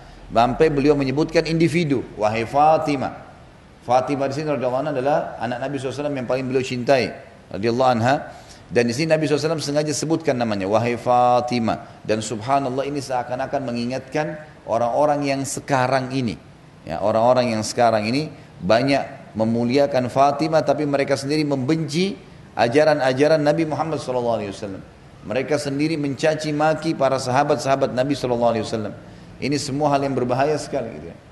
Wahai Fatimah, selamatkan dirimu dari api neraka. Sesungguhnya aku tidak memiliki sesuatu untuk kalian yang bisa membebaskan kalian dari api neraka. Bagaimana memahami hadis ini kalau dipertemukan dengan hadis syafaat? Pertolongan Nabi Muhammad SAW pada hari kiamat maka ulama mengatakan syafaat Nabi Muhammad SAW hanya akan terjadi pada saat seseorang sudah ditimbang amalnya. Ternyata amal baik dan amal buruk, amal buruknya lebih berat, gitu kan? Setelah ditimbang, tapi amal baiknya ada, amal baiknya ada, gitu kan? Dan di sini dosa-dosanya yang ditimbang yang lebih berat bukan dosa kufur, bukan dosa syirik, bukan dosa yang Allah tidak ampuni, bukan dosa kemunafikan. Maka di situlah peran Nabi SAW memberikan syafaat beliau. Beliau berikan pertolongan supaya dosanya dimaafkan sama Allah sebagian, lalu orang ini masuk ke dalam surga. Yang penting dia lolos. Ini sekaligus membantah banyak orang-orang yang memang salah faham dengan masalah ini. Mereka menganggap ya kalau kami ini turunan Nabi Muhammad SAW maka biar tidak amal soleh maka bisa selamat. Ini pemahaman yang salah ini. Siapa lebih mulia anda atau Fatimah radhiyallahu anha? Fatimah radhiyallahu anha. Maka harus paham, Fatimah saja diingatkan oleh ayahnya Nabi SAW. Hai Fatimah, selamatkan dirimu. Aku tidak punya sesuatu yang bisa menolong kalian dari murkahnya Allah. Maksudnya, kalau kalian berbuat sesuatu yang bisa mengundang murka Allah dari kekufuran, dari perbuatan syirik, melanggar hukum-hukum Allah, maka itu akan membawa kalian masuk neraka. Saya tidak bisa tolong. Kata Nabi SAW, saya tidak bisa tolong. Jadi yang bisa ditolong siapa? Orang yang memang dosanya bukan dosa yang mengundang murkahnya Allah dalam arti kata, bukan dosa kufur, bukan dosa kemunafikan, bukan syirik. Dan itu yang Nabi SAW bisa tolong. Kalau selain ini tidak bisa ditolong oleh Nabi SAW. Ini sabda beliau, bukan perkataan saya. Maka harus memahami dalil dengan ilmu yang benar. Sehingga kita tahu meletakkan pada tempatnya. Karena banyak orang, gitu kan, yang kadang-kadang disebar luaskan. Semoga Allah kasih hidayah karena dia turunan Nabi SAW lalu dia mengatakan, ya dikatakan saya pernah dapatkan informasi itu. Ya, kebetulan kakak saya hadir di sebuah pengajian, lalu kemudian dia e, di situ mayoritasnya memang semuanya turunan Nabi SAW. Lalu lalu dikatakanlah pada ya, kakak saya mendengarkan, dia bilang ini kalian semua pasti akan dapat syafaat kakek kalian Nabi SAW, walaupun kalian berbuat dosa. Ini pemahaman yang salah ini, gitu kan? Tidak boleh seperti ini. Justru kalau anda adalah keturunan Nabi SAW, anda harus di baris depan membela sunnah kaki anda, Sallallahu Alaihi Wasallam. Gitu kan? Harusnya orang yang menjadi tauladan untuk kita semua menjadi orang yang mempertahankan kemurnian ajaran Islam. Sekarang sayangnya kesannya kebanyakan malah yang lari bertolak belakang dengan ajaran kakeknya sendiri. Sayang sekali. Mestinya anda semua ini para habaib, para syarifah harus orang-orang yang menjadi orang yang disap pertama mempertahankan kemurnian ajaran kaki anda gitu kan? Mestinya. Kita semua ikut dari belakang. Jadi jangan sampai malah terbalik. Malah mengadang-adakan acara buat-buat macam-macam yang memang Nabi SAW sendiri tidak pernah mencontohkan itu. Kita sebenarnya bukan membahas tentang masalah poin tadi tapi karena kebetulan ada hadis ini memang berhubungan dengan sabda Nabi SAW Wahai Fatimah, selamatkan dirimu dari api neraka. Sesungguhnya aku tidak memiliki sesuatu untuk kalian yang bisa membebaskan kalian dari murka Allah. Hadis selanjutnya, hadis yang ketiga di pasal ini, hadis yang keenam dari awal bahasan tentang neraka. Hadis yang diriwayatkan oleh Imam Bukhari dan Imam Muslim, Abu Hurairah anhu meriwayatkan Nabi SAW bersabda, perumpamaan aku dan kalian adalah seperti seseorang yang menyulut api Orang lagi nyalain api unggun, lalu belalang dan kupu-kupu masuk ke dalamnya. Kalau kita lagi bakar api unggun di tengah-tengah hutan, itu banyak sekali kita akan temukan belalang sama kupu-kupu. Mereka datang dan akhirnya kebakar. Karena mereka anggap itu cahaya bisa berlindung di situ. Mereka tidak tahu kalau itu api yang bisa membakar mereka. Perumpamaan aku dan kalian seperti seseorang, beliau wasallam seperti penyulut api, kita semua ini seperti belalang dan kupu-kupu. Lalu belalang dan kupu-kupu masuk ke dalamnya dan ia menghalaunya. Si pemilik api menghilang-hilangkan, ya, menyelamatkan dari api itu. Aku menghalangi kalian dari api, tapi kalian lepas dari tanganku. Maksudnya kalian lepas ini bahasa santun dari baginda Nabi Shallallahu Alaihi Wasallam. Ya, kalau sebenarnya ada orang di antara kalian sudah saya ingatkan, nggak mau dengar, nggak boleh haram, jangan masuk neraka, nggak mau dengar, lepaslah dari tanganku gitu. Makanya sabda Nabi SAW yang lain, kullukum yadkhulul jannata illa man aba. Kalian semua pasti masuk surga kecuali yang nolak Para sahabat bertanya, ya Rasulullah, wa may ya'ba ya Rasulullah, siapa yang nolak tuh masuk surga? Bodoh benar dia, gitu kan. Lalu kata Nabi SAW, Man ata'ani dakhalal jannah wa man asani dakhalal nar. Siapa yang patuh padaku, yang aku suruh dikerjakan wajib atau sunnah yang aku halalkan dari Allah dia nikmatin, yang aku larang haram dan makruh ditinggalkan, maka itu taat kepadaku. Siapa yang taat padaku dia akan masuk dalam surga. Dan siapa yang bermaksiat padaku, ya tidak mau mengikuti apa yang Nabi SAW perintahkan atau mengerjakan apa yang Nabi SAW tidak kerjakan maka secara otomatis juga dia akan dia tidak mentaati kepadaku. Dan perlu digarisbawahi ya mentaati Rasulullah SAW dalam segala hal wajib atau sunnah? Ini adalah puncak daripada ketaatan. Dan maksiat kepada Nabi SAW ada dua. Melanggar apa yang Nabi sudah ancamkan atau melakukan yang Nabi tidak contohkan. Begini memahaminya. Kalau Bapak Ibu kerja di satu perusahaan, ada peraturan perusahaan, ini yang boleh. Ada yang tidak boleh, kayak tidak boleh telat, ya, tidak boleh uh, keluar sebelum waktu kerja selesai, harus ini, harus itu berpakaian rapi misalnya dan dan seterusnya. Ada peraturan, ada pelanggaran, tidak boleh dilanggar. Yang langgar dapat hukuman. Ada juga pelanggaran yang kalau dilakukan oleh seseorang tanpa diperintahkan seperti misal ada pegawai bapak ibu masuk di satu perusahaan lalu bapak ibu lihat di depan perusahaan ini kayaknya bagus nih menurut kita pribadi taruh bunga misal di depan kantor kita taruh bunga pemilik perusahaan tidak pernah taruh bunga dan tidak mau bunga bapak ibu niatnya baik baik mau taruh bunga gitu kan begitu ditaruh pimpinan perusahaan tidak pernah perintahkan kira-kira itu pelanggaran atau bukan pelanggaran Artinya mengerjakan apa yang tidak diperintahkan pelanggaran itu. Gitu ya. Ada orang masuk di kantor, warna cat temboknya putih. Ah saya suka warna coklat, cat sendiri. Gitu ya. Dia lakukan sendiri. Inisiatif dari dia, karena dianggap lebih baik. Pimpinan perusahaan tidak mau. Dia tidak perintahkan itu. Gitu kan. Pelanggaran atau bukan? Pelanggaran. Berarti pelanggaran di sini adalah melakukan apa yang sudah dilarang atau mengerjakan apa yang memang tidak dititahkan nggak disuruh suruh keluar beli barang satu barang dia keliling ke mana-mana beli barang-barang yang lain nggak disuruh orang buru-buru butuh sesuatu itu ini sudah pelanggaran di ke mana-mana nih mestinya nggak boleh kan gitu seperti itulah memahaminya jadi Nabi SAW di sini mengatakan ada orang lepas dari tanganku karena tidak mau mentaatiku tidak mau mengerjakan yang diperintahkan dan mau melanggar apa yang dilarang dan yang tidak dicontohkan. Hadis terakhir dari pasal ini adalah hadis di footnote nomor 102 riwayat Imam Muslim dan Imam Tirmidzi. Ibnu Mas'udin radhiyallahu anhu meriwayatkan Rasulullah SAW bersabda, api didatangkan pada hari kiamat yang memiliki 70 ribu rantai. Ya lebih tepatnya itu rantai ya, bukan tali. Jadi diubah tali itu menjadi rantai karena memang bahasa Arabnya yu'ta bi jahannam yaumal qiyamah wa 'alaiha sab'una alfu zimam. Zimam itu adalah rantai-rantai yang diikat, dililit. Api neraka jahanam didatangkan pada hari kiamat, bangunannya yang memiliki 70 ribu ya, tali kendali atau rantai yang ditarik. Ya. Pada tiap-tiap tali kendali rantainya itu terdapat 70 ribu malaikat mereka semua menariknya.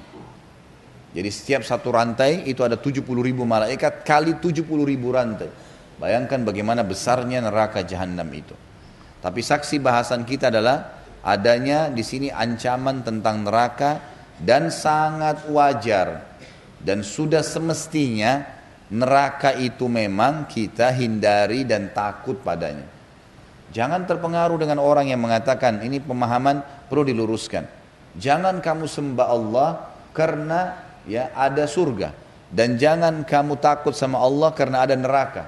Ini pemahaman yang salah ini. Bagaimana caranya? Yang suruh kita kejar surga Allah, gitu kan? Al Imran ayat 133 menjelaskan itu. A'udzubillahi minasyaitonirrajim wasari'u. Berlumba-lumbalah kalian, bersainglah kalian. Ila magfirati min rabbikum. Kepada pengampunan Tuhan kalian. Wa jannatin arduhas samawati wal ardu iddan lil muttaqin. Dan kejarlah surga itu. Jadi kan yang luasnya seluas langit dan bumi dijanjikan untuk orang-orang yang bertakwa. Jadi memang kita menyembah Allah dengan mengejar surga itu target utama kata ulama kesempurnaan ibadah seorang hamba kalau misal kita lagi sholat kita memang sengaja mengejar fadilahnya sholat itu. Misal kita sholat, karena ada hadis Nabi SAW yang mengatakan dalam riwayat Bukhari Muslim, bagaimana kalau depan rumah seseorang dan kalian ada sungai yang deras, mengalir, kemudian kalian mandi sehari lima kali, apakah tertinggal kotoran di badannya? Kata para sahabat tidak ada ya Rasulullah. Kata Nabi SAW, begitu pula dengan lima waktu sholat, membersihkan dosa-dosa kalian. Bolehkah saya sholat dengan mengejar pengampunan dosa itu? Jawabannya bukan cuma boleh, harus. Harus. Memang kita kejar itu. Itu puncak ibadah. Saya pergi haji supaya misal dihilangkan kesusahan hidup saya. Boleh nggak? Kalau ada dalilnya, ada hadis Nabi. Haji dan umroh yang dikerjakan secara berkesinambungan akan menghilangkan kesusahan hidup dan kefakiran sebagaimana api menghilangkan karat dari besi. Kita kejar itu, memang itu puncak ibadah. Sadaqah akan memperbanyak rezeki. Memang begitu hadis Nabi SAW. Mana kasamalun min sadaqah kata beliau. Tidak akan berkurang harta seorang hamba karena sadaqah maksudnya akan terus bertambah. Gitu ya. Itu yang dimaksud. Jadi puncak ibadah adalah justru mengejar janjinya Allah di situ. Sama halnya puncak kepatuhan kepada Allah Azza wa Jal dalam meninggalkan pelanggaran itu dengan takut terhadap ancamannya.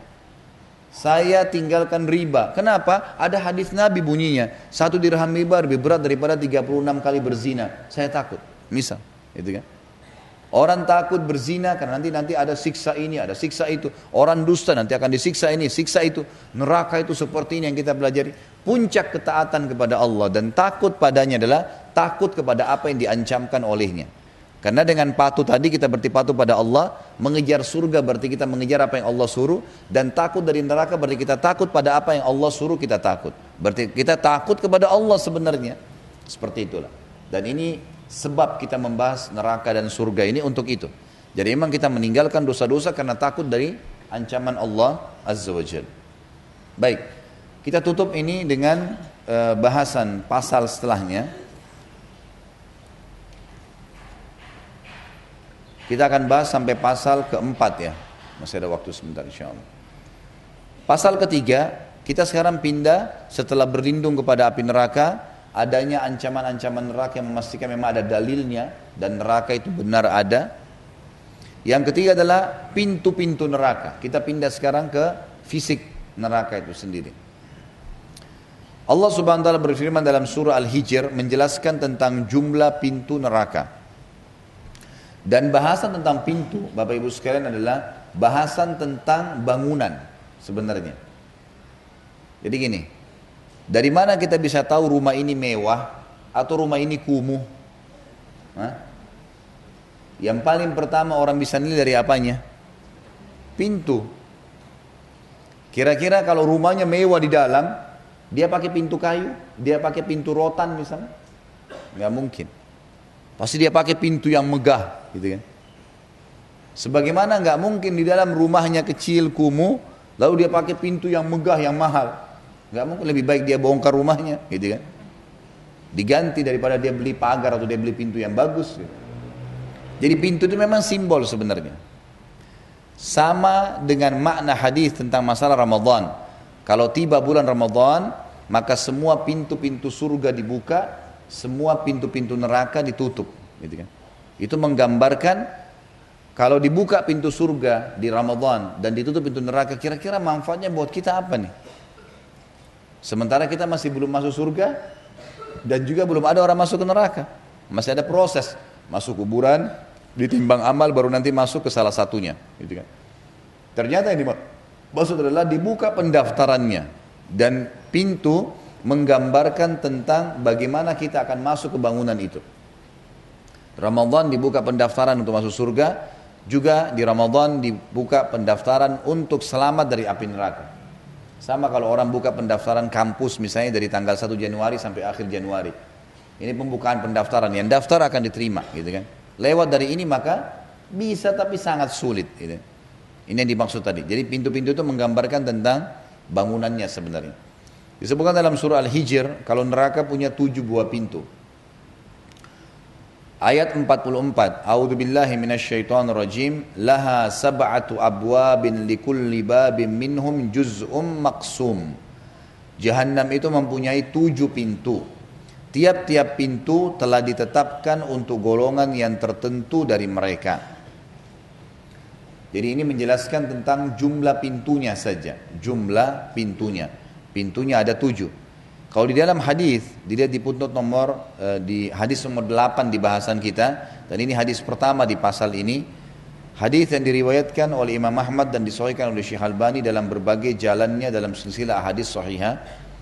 Utbah bin Abdus Salam radhiyallahu anhu menceritakan aku mendengarkan Rasulullah sallallahu alaihi wasallam bersabda al jannatu laha thamaniyata abwab wan naru laha sab'atu abwab surga itu mempunyai delapan pintu dan neraka juga mempunyai tujuh buah pintu. Ya, tujuh buah pintu. Pintu kata ulama adalah bisa banyak maknanya, bisa memiliki banyak tujuan, manfaat. Yang pertama, pintu itu menjadi simbol dari bangunan. Yang kedua, pintu itu sebenarnya untuk ya menutup, ditutup, bukan untuk dibuka ya. Kalau orang mau masuk dibuka, tapi dia ditutup mayoritasnya untuk e, memastikan orang yang di dalam akan merasakan apa yang ada di dalam kalau pintu ditutup. Tujuannya kita tutup pintu untuk apa misalnya? Untuk ruangan dingin, gitu kan? Untuk tidak diganggu oleh orang lain. Artinya akan maksimal menikmati apa yang ada dalam pintu itu. Jadi pintu di sini tujuannya ada, ada pintu. Berarti pintu ada. Kalau pintu ini ditutup, maka berarti akan maksimal hal di dalam. Kalau itu sifatnya nikmat, dia akan merasakan maksimal. Kalau dia siksaan pada saat ditutup, banyak orang tidak tahu kalau dalam ternyata orang disiksa, gitu kan? Betul juga adalah maksimal dalam penyiksaan tersebut. Itu maksud daripada bahasan masalah pintu itu sendiri. Selanjutnya poin pasal keempat adalah gambaran panas api neraka. Allah Subhanahu wa taala menjelaskan dalam surah Al-Baqarah ayat 24. A'udzu billahi rajim. فإن لم تفعلوا ولن تفعلوا فاتقوا النار التي وقودها الناس والهجرة wal للكافرين. Maka jika kamu tidak dapat membuatnya dan pasti kamu tidak akan dapat membuatnya maksudnya di sini adalah bahasan tentang kalau kalian mau memaksa menolak Allah ya tidak mau beriman pada Allah kalian percuma tidak akan bisa melakukan apa-apa. Tidak ada Tuhan selain Allah kalau kalian mau membuat itu atau kalian tidak dan kalian tidak dapat melakukan, ya, maka cobalah pelihara diri kalian dari api neraka yang bahan bakarnya dari manusia dan batu. Ingat, kalian kafir kan akan masuk neraka. Nanti hari kiamat yang dikatakan coba selamatkan diri kalian dari api neraka nih. Kalau selama ini kalian pungkiri Allah Subhanahu Wa Taala, yang bahan bakarnya dari manusia dan batu yang disediakan bagi orang-orang yang kafir. Ya. Tentu batu berbeda ya. Batu itu uh, diadakan penelitian oleh sebagian ulama. Kalau seandainya arang atau kayu ya biasa yang dipakai kayu untuk dijadikan sebagai bahan bakar atau rumput-rumput semua itu akan habis. Berbeda dengan batu. Batu itu kalau dipanasin maka dia cuma berubah menjadi panas. Dia tidak berkurang. Jarang sekali kalau batu-batu yang kuat yang keras itu kemudian kalau dibakar setelah dia dia cuma berubah panas atau dia kalau sudah selesai apinya dipadamkan dia akan jadi dingin. Tapi batunya tetap sama bentuknya. Maka bahan bakar neraka dari batu ini maknanya adalah bahan bakarnya tidak akan pernah ya berhenti. Karena selama dia dipanasin dia akan panas terus batu itu. Dia akan panas terus. Kita lihat batu-batu gunung misalnya, kena matahari ber, ber ratusan tahun. Dia cuma berubah menjadi panas. Tidak hancur, padahal panas sekali matahari. Kalau mau dibayangkan sesuatu yang kita letakkan di panas matahari dan berminggu-minggu itu udah rusak sebenarnya gitu kan. Tapi ini tidak. Jadi batu memang berbeda, makanya Allah SWT sebutkan bahan bakarnya dari batu nih. Hati-hati, panasnya nggak pernah redah, tidak akan pernah hancur dan lapuh gitu kan. Ini perlu diketahui, makanya dimaksudkan gambaran tentang panasnya api neraka. Kemudian disebutkan dalam surah Al-Ghashiyah ayat 2 sampai ayat 4. A'udzu billahi minasyaitonir rajim. Wujuhun 'amilatun nasibah tasla naran hamiyah. Banyak muka pada hari itu tunduk terhina di hari kiamat nanti. Wa. Karena kekufuran mereka. Bekerja keras lagi kepayahan. Mereka berusaha cari pertolongan sana sini. Tapi payah. Percuma. Tidak ada manfaatnya. Nggak ada orang yang mau tolong. Allah mengatakan dalam ayat lain, "Yauma yafirul mar'u min akhi wa ummihi wa abi wa sahibati wa bani likulli imri'in minhum yauma idzin sya'nu yugni." Hari itu orang lari dari temannya, ibu bapaknya, saudaranya, pasangan hidupnya, anak-anaknya. Masing-masing orang ingin menyelamatkan dirinya sendiri. Mereka akan memasuki api neraka jahanam yang sangat panas Naran hamia dalam bahasa Arab itu kalau hamia digunakan untuk uh, api yang memang sudah lama dibakar ya. Beda panasnya kayak kita kalau nyalain kompor gas. Beda panasnya api itu kalau masih baru dinyalain dengan yang sudah dinyalain dari setengah jam yang lalu. Beda, gitu kan. Panasnya lebih panas tuh. Maka seperti itu memahaminya. Narun hamia yang dimaksud adalah tasla naran hamia Hami dalam bahasa Arab adalah api yang sudah lama dipanasi sehingga dia sangat panas. Makanya terjemahnya tadi api yang sangat panas. Kemudian kita lihat surah Al-Lail. Bisa dibuka Al-Quran surah Al-Lail. Surah nomor 92 ya. Ayatnya 14 dan 15. A'udzu billahi rajim naran talazza la yaslaha illal ashqa. Dan sungguh kami sudah memperingatkan buat kalian selama hidup di dunia dengan api yang menyala-nyala. Naudzubillah minan tidak ada yang masuk ke dalamnya kecuali orang yang sangat celaka. Rugi. Kalau masuk neraka itu rugi. Kalau seandainya Bapak Ibu sekalian orang yang taat sama Allah di dunia ini kemudian hidupnya susah nggak makan, nggak minum, nggak bisa tidur, dibenci orang, lain. Berarti sulit orang kalau beriman. Ini enggak.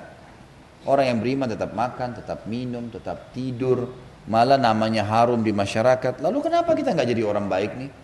Apa alasannya? Nggak ada alasan. Kemudian surah Al-Mursalat. Disebutkan dalam surah Al-Mursalat ini ayatnya ayat 32. A'udzu billahi minasyaitonir rajim.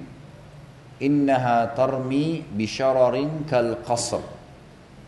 Sesungguhnya neraka itu akan melontarkan bunga-bunga api yang besar setinggi istana. Setinggi istana. Kalau kita lanjut dengan ayat 33-nya ka'annahu jimalatun sufur seperti iringan unta-unta yang kuning. Artinya Deretannya adalah kita lihat kalau unta jalan di padang pasir berentetan satu sama yang lain. Maka bola-bola api yang besar, biasanya api itu kalau panas sekali, dia meletup-letup, maka akan melempar bola api. Tidak akan keluar percikan api kecuali memang dia sangat panas. Kalau api biasa tidak ada letupannya, tapi kalau api yang panas akan ada letupan. Karena panasnya sudah sampai pada puncaknya dia akan keluar bongkahan-bongkahan api, keluar seperti istana yang tinggi dan seperti lentetan unta artinya keluar satu satu ikut terus begitu. Non stop terbakar. Kemudian dalam surah Masad ayat 3 dikatakan oleh Allah Subhanahu wa taala kelak dia akan masuk ke dalam api neraka yang bergejolak. Ya. ini tentang Abu Lahab ya. Surah nomor 111 ayat 3 nya saya naran zata lahab dan pastilah nanti dia Abu Lahab itu sama istrinya akan masuk ke dalam api neraka yang bergejolak. Saksi bahasan kita bukan masalah Abu Lahabnya tapi masalah api yang bergejolak. Kemudian hadis Nabi SAW kalau di dalam bahasan kita ini adalah hadis pertama tentang gambaran panasnya api neraka tapi dari awal hadis bab tentang neraka sudah hadis ke-9. Hadis ini diriwayatkan oleh Imam Bukhari Muslim. Abu Hurairah anhu meriwayatkan sabda Nabi SAW, Narukum hadhihi ma yuqidu banu Adam juz'un wahidun min sab'ina juz'a eh, min nari jahannam. Qalu wallahi in kanat in kanat lakafiyat Qala innaha fuddilat 'alaiha bi tis'in wa sittina juz'a kulluhunna mithlu harriha. Api kalian ini yang dinyalakan Bani Adam hanyalah satu bagian daripada 70 bagian api jahanam. Jadi yang kita nyalain sekarang ini itu adalah sepertujuh-puluhnya. Nanti neraka jahanam 69 kali lagi lebih panas daripada ini. Ditambah Api kalian ini yang dinyalakan Bani Adam, anak Adam adalah satu bagian daripada 70 bagian neraka jahanam. Lalu para sahabat mengatakan demi Allah satu bagian saya sudah cukup ya Rasulullah. Api dunia ini saja kalau dibakar kami sudah cukup. Kata Nabi SAW sesungguhnya ia telah dilebihkan di atasnya nanti hari kiamat akan didatangkan 69 bagian. Semuanya seperti itu panasnya. Jadi panas kayak kita sekarang di dunia ini dilipat gandakan 70 kali lipat ya, ditambah 69 baru itu masuk dalam perhitungan neraka api neraka jahanam wa naudzubillah minan nar Baik kita lanjutkan dengan hadis terakhir dan kita tutup dengan masalah ini adalah hadis riwayat Abu Dawud dan Nasai juga Imam Tirmidzi dan mereka menilai hadis ini terutama Tirmidzi dengan hadis hasan sahih. Diterjemahkan bahasa Indonesia langsung sini kena panjang Abu Hurairah anhu meriwayatkan sabda Nabi sallallahu alaihi wasallam ketika Allah menciptakan neraka dia mengutus Jibril. Maaf, ketika Allah menciptakan surga, dia Allah mengutus Jibril ke surga seraya berfirman, lihatlah kepadanya dan apa yang aku janjikan kepada penghuninya di dalamnya. Lalu Jibril pun mendatangi surga dan melihatnya. Berikut apa yang disediakan Allah untuk penghuninya. Lalu ia kembali kepadanya dan mengatakan demi keperkasaanmu. Tidaklah seseorang mendengarkan saja surga itu, melainkan ia ingin memasukinya. Kemudian Allah memerintahkan supaya surga dikelilingi dengan hal-hal yang tidak disenangi. Ya. Manusia lagi ingin bebas-bebas, maka ada batasan-batasan kegiatannya, gitu kan? Ada yang dilarang, ada yang diperintahkan, diwajibkan. Kemudian Allah memerintahkan surga dikelilingi dengan hal-hal yang, di, yang Kemudian Allah memerintahkan supaya surga dikelilingi dengan hal-hal yang tidak disenangi. Lalu dia Allah memerintahkan kepada Jibril kembalilah kepadanya. Lalu lihatlah pada apa yang aku janjikan bagi penghuninya di dalamnya. Ia pun kembali kepadanya ternyata surga telah dikelilingi dengan hal-hal yang tidak menyenangkan. Lalu Jibril kembali kepada Allah seraya mengatakan demi keperkasaanmu sungguh aku khawatir tidak ada seorang pun yang akan bisa memasukinya. Jadi karena disuruh bangun sholat malam, dilarang makan ini, dilarang itu, banyak larangan di dalam agama Allah ya, yang tidak disenangi oleh jiwa. Lalu Allah berfirman, pergilah ke neraka, lalu lihatlah kepadanya dan apa yang aku janjikan untuk penghuninya di dalamnya. Ternyata neraka bertumpukan satu sama lain. Lalu ia kembali kepadanya seraya mengatakan, demi keperkasaanmu, sungguh aku khawatir bahwa tidak ada seorang pun mendengarnya, lalu akan memasukinya. Tidak ada orang dengar saya neraka sudah tidak mau. Kata Jibril AS.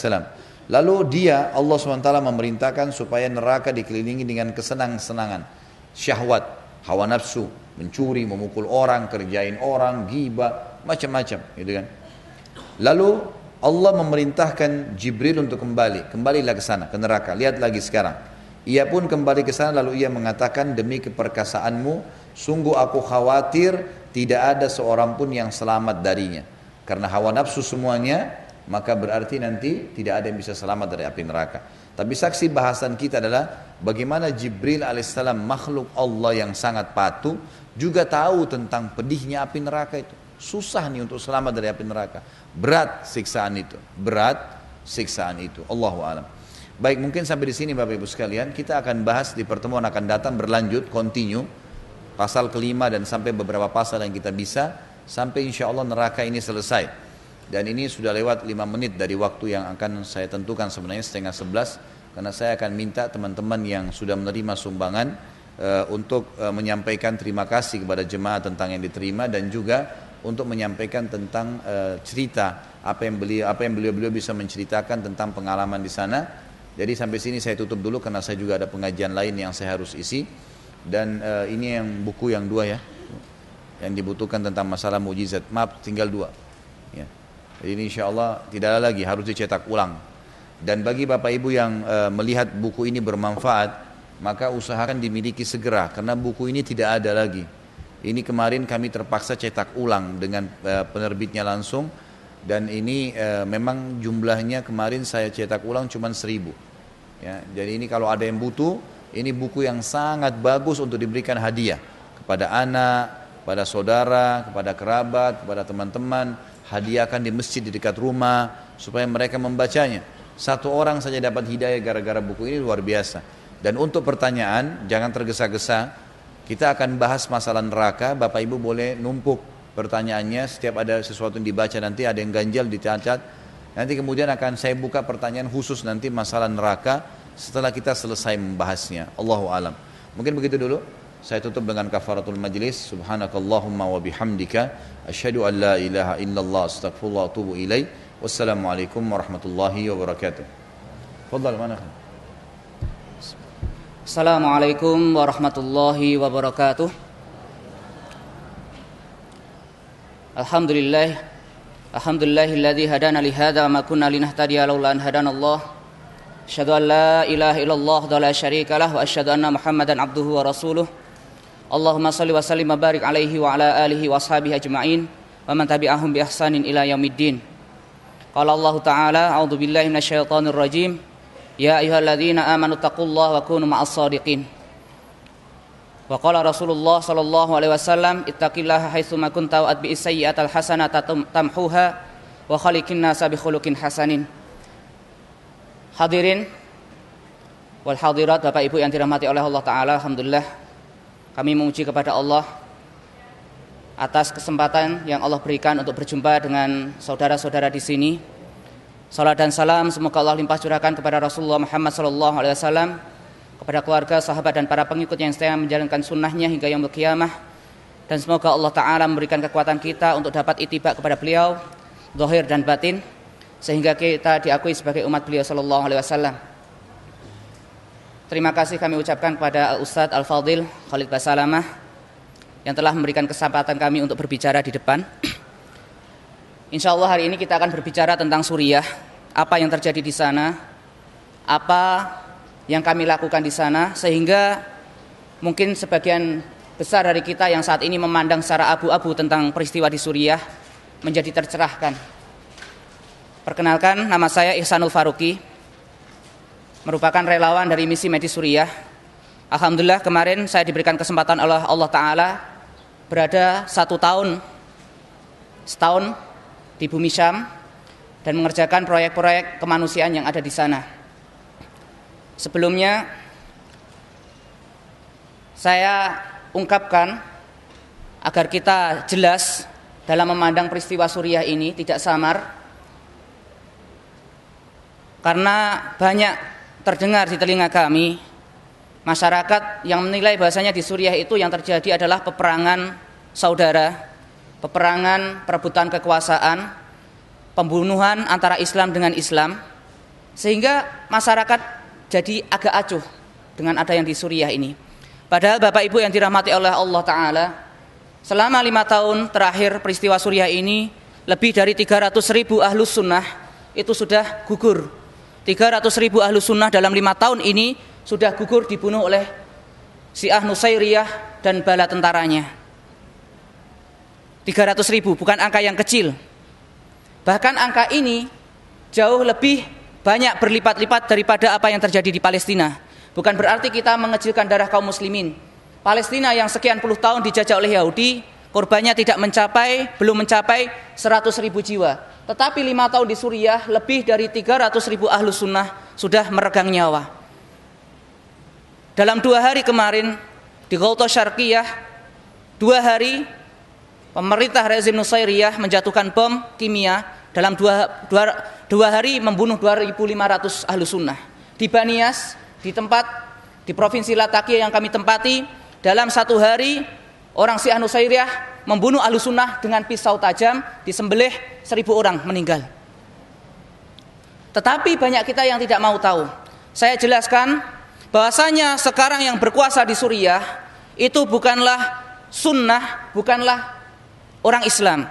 Basar al-Assad, presiden sekarang, itu adalah pemeluk agama Syiah Nusairiyah. Apa itu Syiah Nusairiyah? Di dalam kitab Mausu'ah, Muyassarah, Fil Adyan, Syiah Nusairiyah itu merupakan sebuah sekte yang dibentuk di masa 4 kurun 4 Hijriyah oleh seorang yang bernama Muhammad bin Nusair merupakan pecahan daripada sekte Syiah. Syiah pecah menjadi banyak sekte dan Nusairiyah ini menjadi salah satu sekte yang paling sesat di antara Syiah. Maka dikatakan Ibnu Taimiyah rahimahullah taala dalam kitab yang sama, bahkan mereka Syiah Nusairiyah lebih kafir daripada Yahudi dan Nasrani. Karena mereka meyakini dalam akidahnya bahwasanya Allah itu adalah Ali dan Ali adalah Allah. Mereka tidak tidak meyakini sholat, tidak meyakini zakat, tidak meyakini haji. Mereka punya syariat sendiri. Dan saat ini mereka lah yang berkuasa di Suriah. Dan sebelumnya Bapak Ibu yang dirahmati oleh Allah Ta'ala Peristiwa Suriah ini bukan hanya terjadi lima tahun terakhir. Di awal tahun 80 bapaknya Basar al-Assad, Hafiz al-Assad Laknatullah alaihi kubri Semoga Allah melaknatnya di dalam kuburnya Telah membantai ahlu sunnah dalam satu bulan Lebih dari 40 ribu Di Provinsi Hama. Dan kenapa kita harus peduli terhadap Suriah? Terhadap Suriah Kita, saya akan katakan ini sesuai dengan saya akan berikan sabda-sabda Rasulullah SAW yang berkaitan tentang Suriah ini. Kenapa kita harus peduli? Rasulullah SAW bersabda, "Idza fasada ahlus syami fala khaira fikum." Jika penduduk Sam itu rusak, maka tidak ada kebaikan untuk kalian. Itu menjadi barometer ketika ahlus Syam di mana Suriah di dalamnya itu rusak, maka tidak ada kebaikan untuk kalian, kalian semua orang muslimin.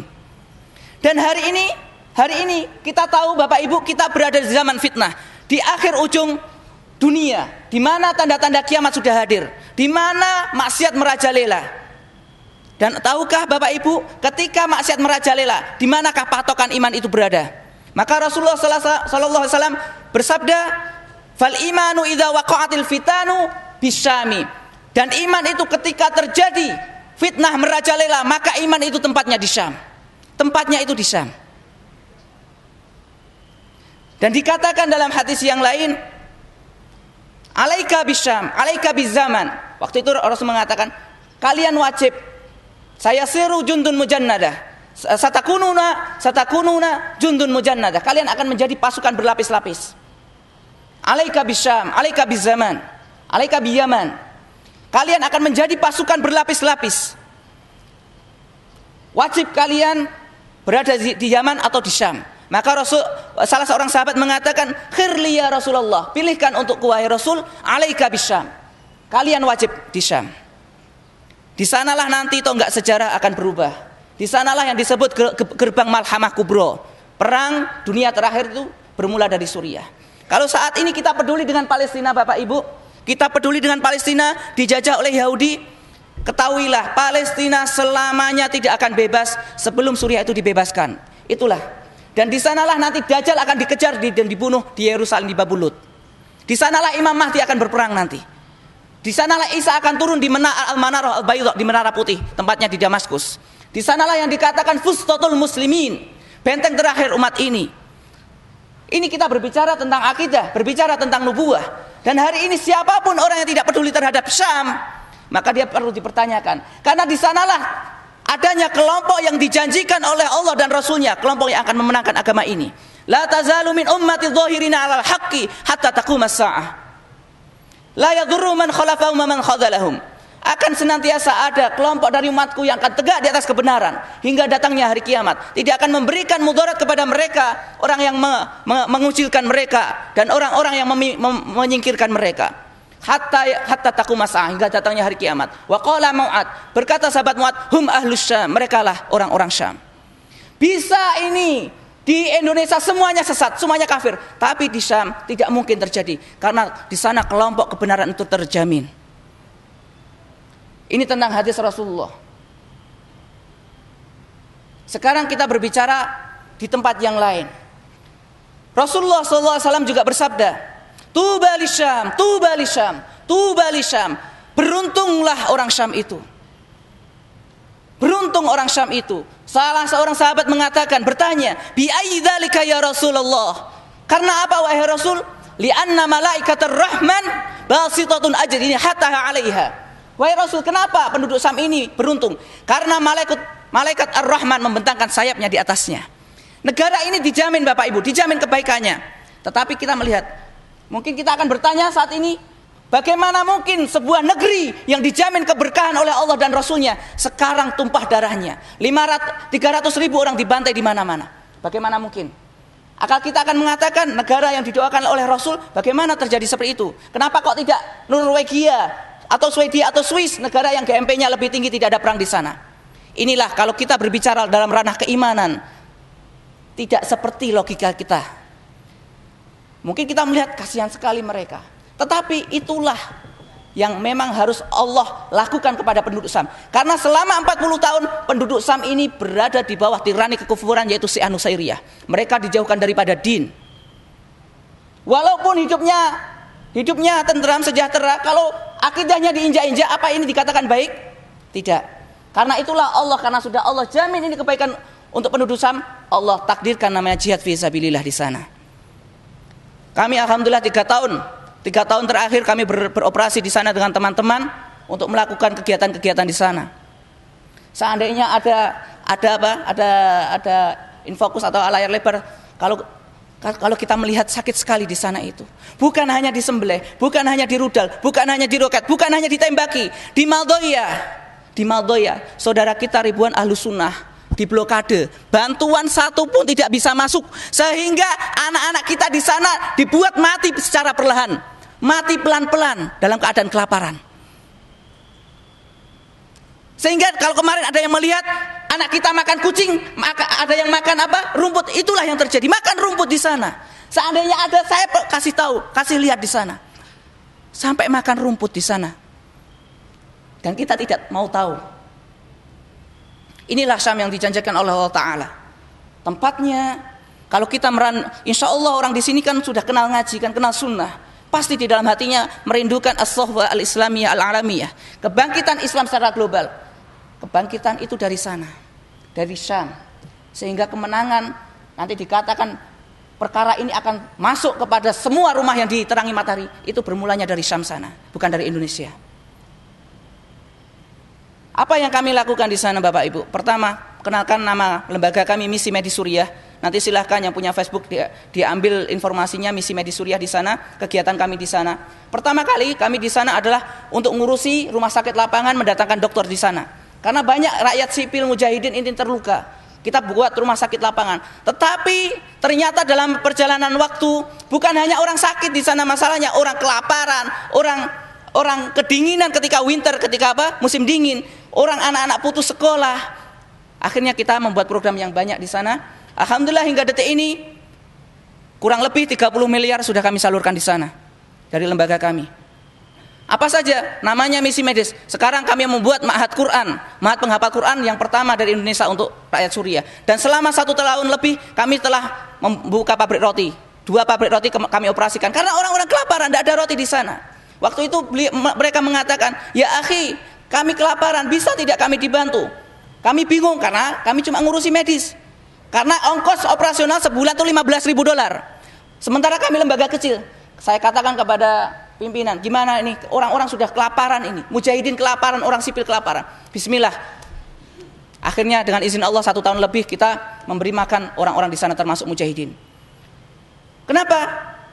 Masya Allah saya katakan dari dana para muhsinin yang dimakan oleh orang-orang yang ribat, orang yang jihad. Maka saya katakan, insya Allah saya katakan sebagaimana yang Rasulullah SAW sabdakan, man jahaza ghazian faqad ghaza. Siapa pun orang yang membekali orang yang berjihad di jalan Allah, dia dicatat amalan jihad fisabilillah. Berat di sana. Orang dijauhkan dari din, orang dibunuhi. Bagaimana tidak Bapak Ibu? Ini saya katakan, saya malam ini malam itu saya menggendong seorang anak kecil saya timang-timang.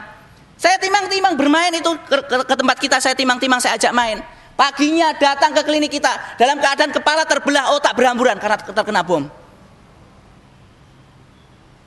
Seorang anak kecil. Dilihat di depan mata saya. Hari ini saya rangkulan dengan seorang kawan di sana. Besok kepalanya sudah tembus terkena tembakan sniper di sana. Dan di sana dihujani bom. Seandainya tahu bom itu seperti apa, Masjid ini dua atau tiga lantai, satu bom itu cukup untuk menghancurkan sampai ke basement, lantai bawah. Sementara waktu itu Ramadan saya hitung dalam satu bulan kurang lebih 650 bom dijatuhkan ke tempat kami. Di Halab, di kota Aleppo, satu hari 100 kalikan satu bulan 3000 bom. Satu bom menghancurkan tiga lantai sampai ke basement. Itu yang terjadi sampai saat ini. Dan mereka sekarang apa? Dibantu oleh kaum Majusi dari Syiah Iran.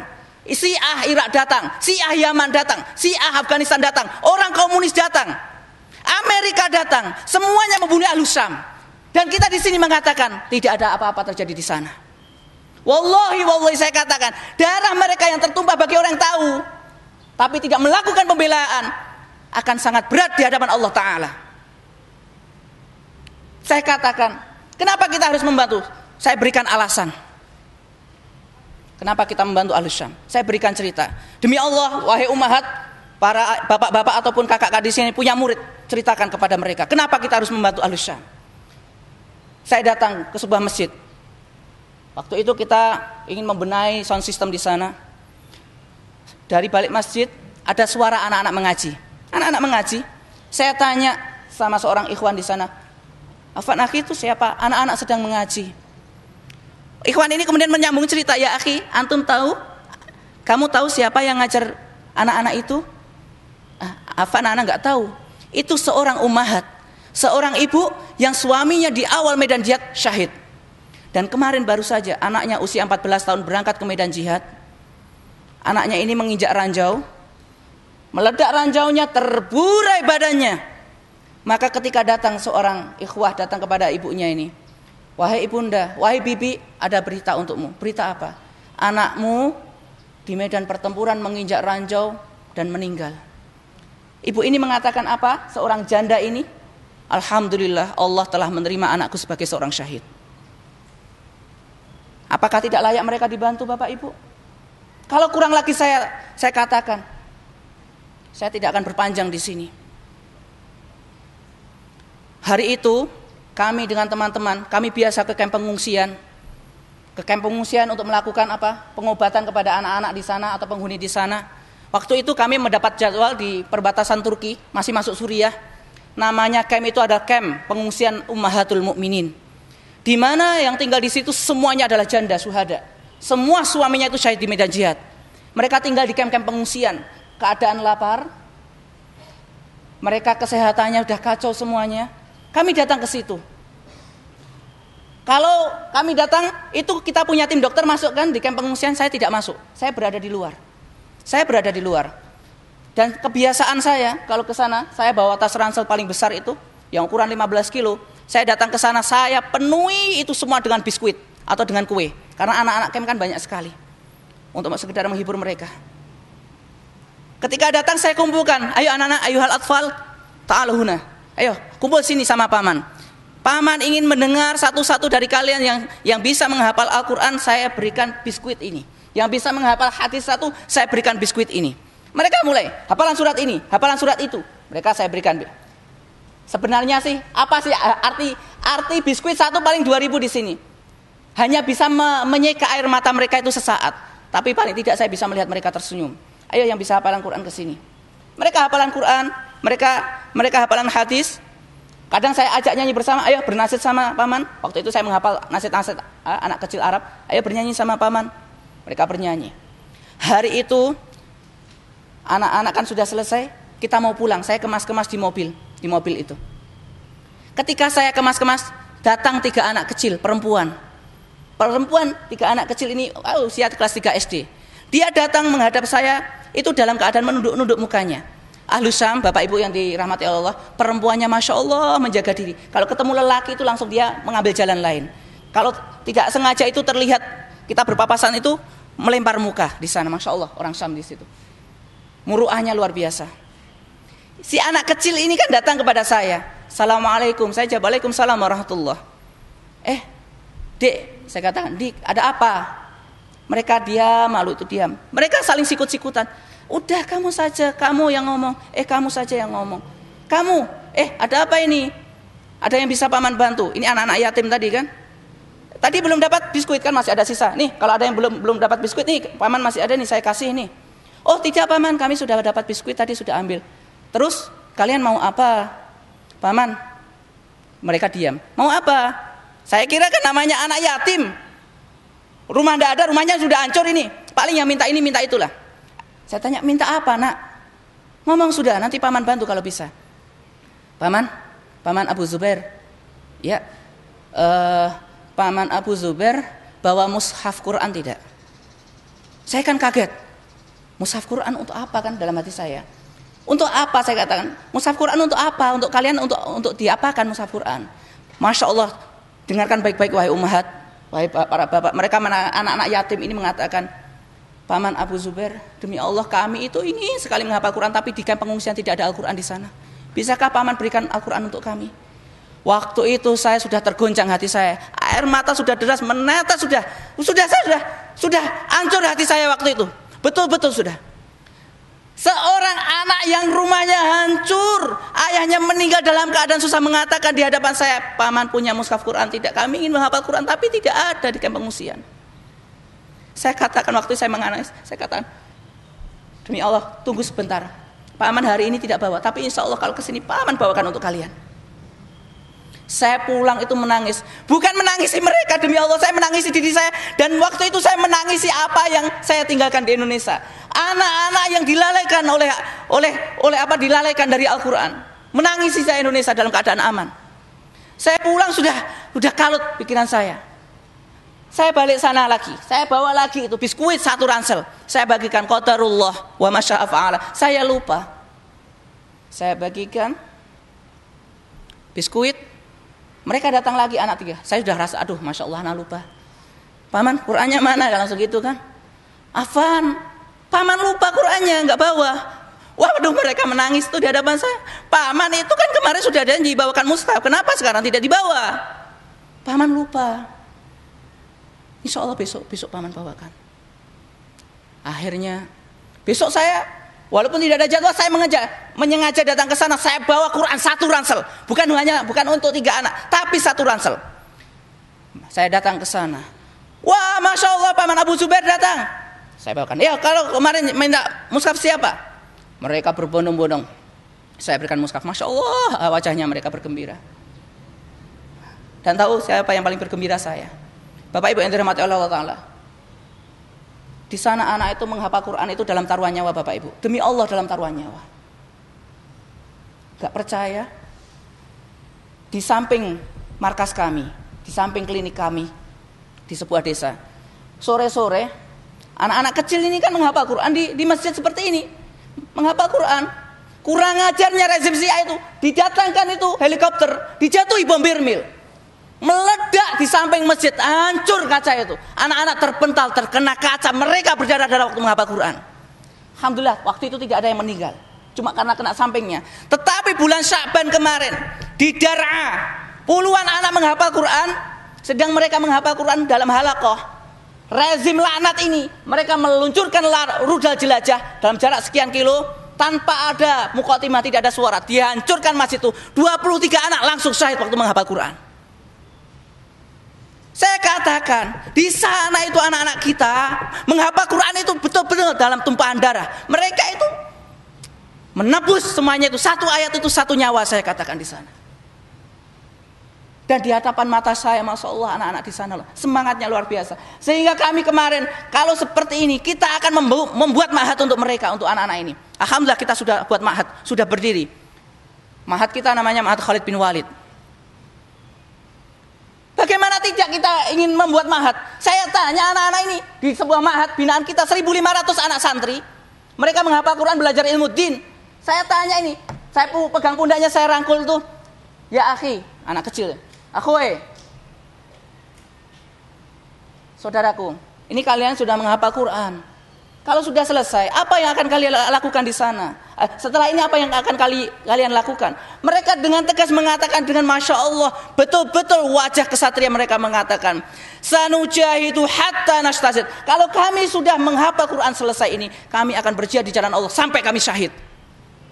Wallahi di sanalah kita harus belajar Bapak Ibu. Seorang ibu mengatakan, saya itu waktu nangis seorang iwan kita tertembus kepalanya mati.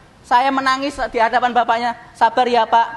Beliau tepuk pundak pundak saya ditepuk. Beliau tersenyum mengatakan, "Ya, dia tetap menangis karena kasih sayang seorang ayah, tapi beliau tersenyum menepuk pundak saya. Hani'uni ya ya ikhwah. Hani'uni ya ikhwah, li'anna waladi syahidun." Berikan selamat kepadaku wahai ikhwah, berikan selamat kepadaku. Sesungguhnya anakku saat ini menjadi seorang syahid. Seorang ibu dikatakan anaknya dia mengatakan di hadapan di hadapan masyarakat, "Wallahi al-an, Demi Allah sekarang al-an nastati'u an narfa'a ra'sana amaman nas lianna ladaina syahidun. Demi Allah sekaranglah kami bisa mengangkat kepala kami di hadapan seluruh manusia karena saat ini kami memiliki syahid di rumah kami. Itulah Syam. Kenapa kita harus membantu? Saya tidak akan saya tidak akan mengatakan saya tidak menghibah belas kasihan di sini. Tapi saya katakan di sini kita belajar di mana ikatan yang paling kuat dalam akidah adalah al-wala wal bara'. Ikatan akidah saya katakan. Untuk apa saya menjual belas kasihan?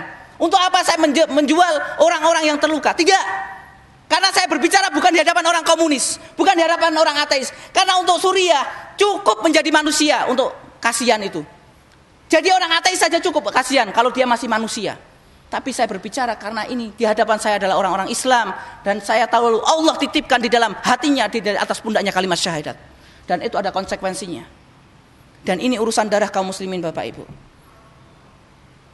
Hak urusan kaum muslimin.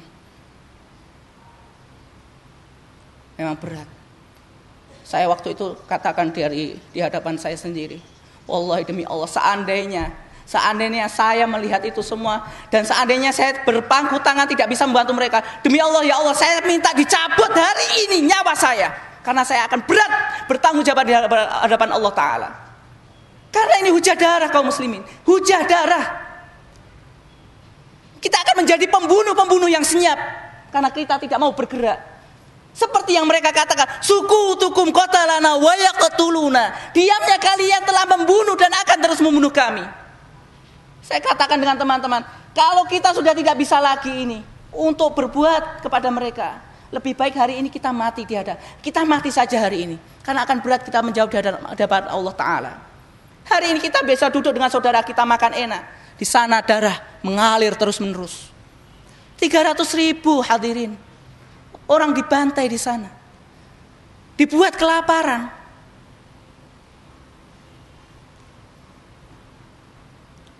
Ini saya sudah sampaikan, saya katakan, saya sudah sampaikan apa yang kami dapatkan di sana. Silahkan, silahkan bagi antum yang merasa memang ingin berbagi, silahkan melalui lembaga apa pun yang antum percayai untuk untuk bisa menyalurkan bantuan antum di sana. Paling tidak itu bisa menjadi hujah di hadapan Allah Taala.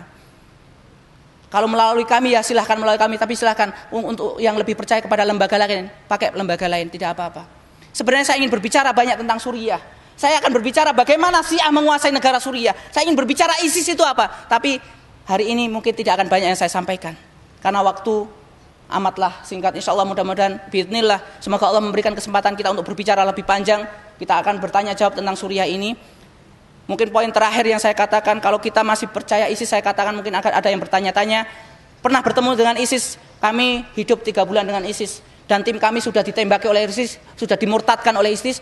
Dan kita sudah sudah sudah jadi korban di sana ditembaki sama ISIS dan mereka adalah kelompok takfiri ekstrim di sana itu kesimpulan dan dan dan penutup dari kami. Itulah yang bertanya-tanya tentang ISIS. Allah taala a'lam bisawab. Aku lu kali astaghfirullah wal ghafurur rahim. Silakan untuk informasi lanjut di misi medis Suriah. Semua tentang kegiatan kami ada di sana semuanya. Afdal. Oke, saya kembalikan kepada panitia. Silakan.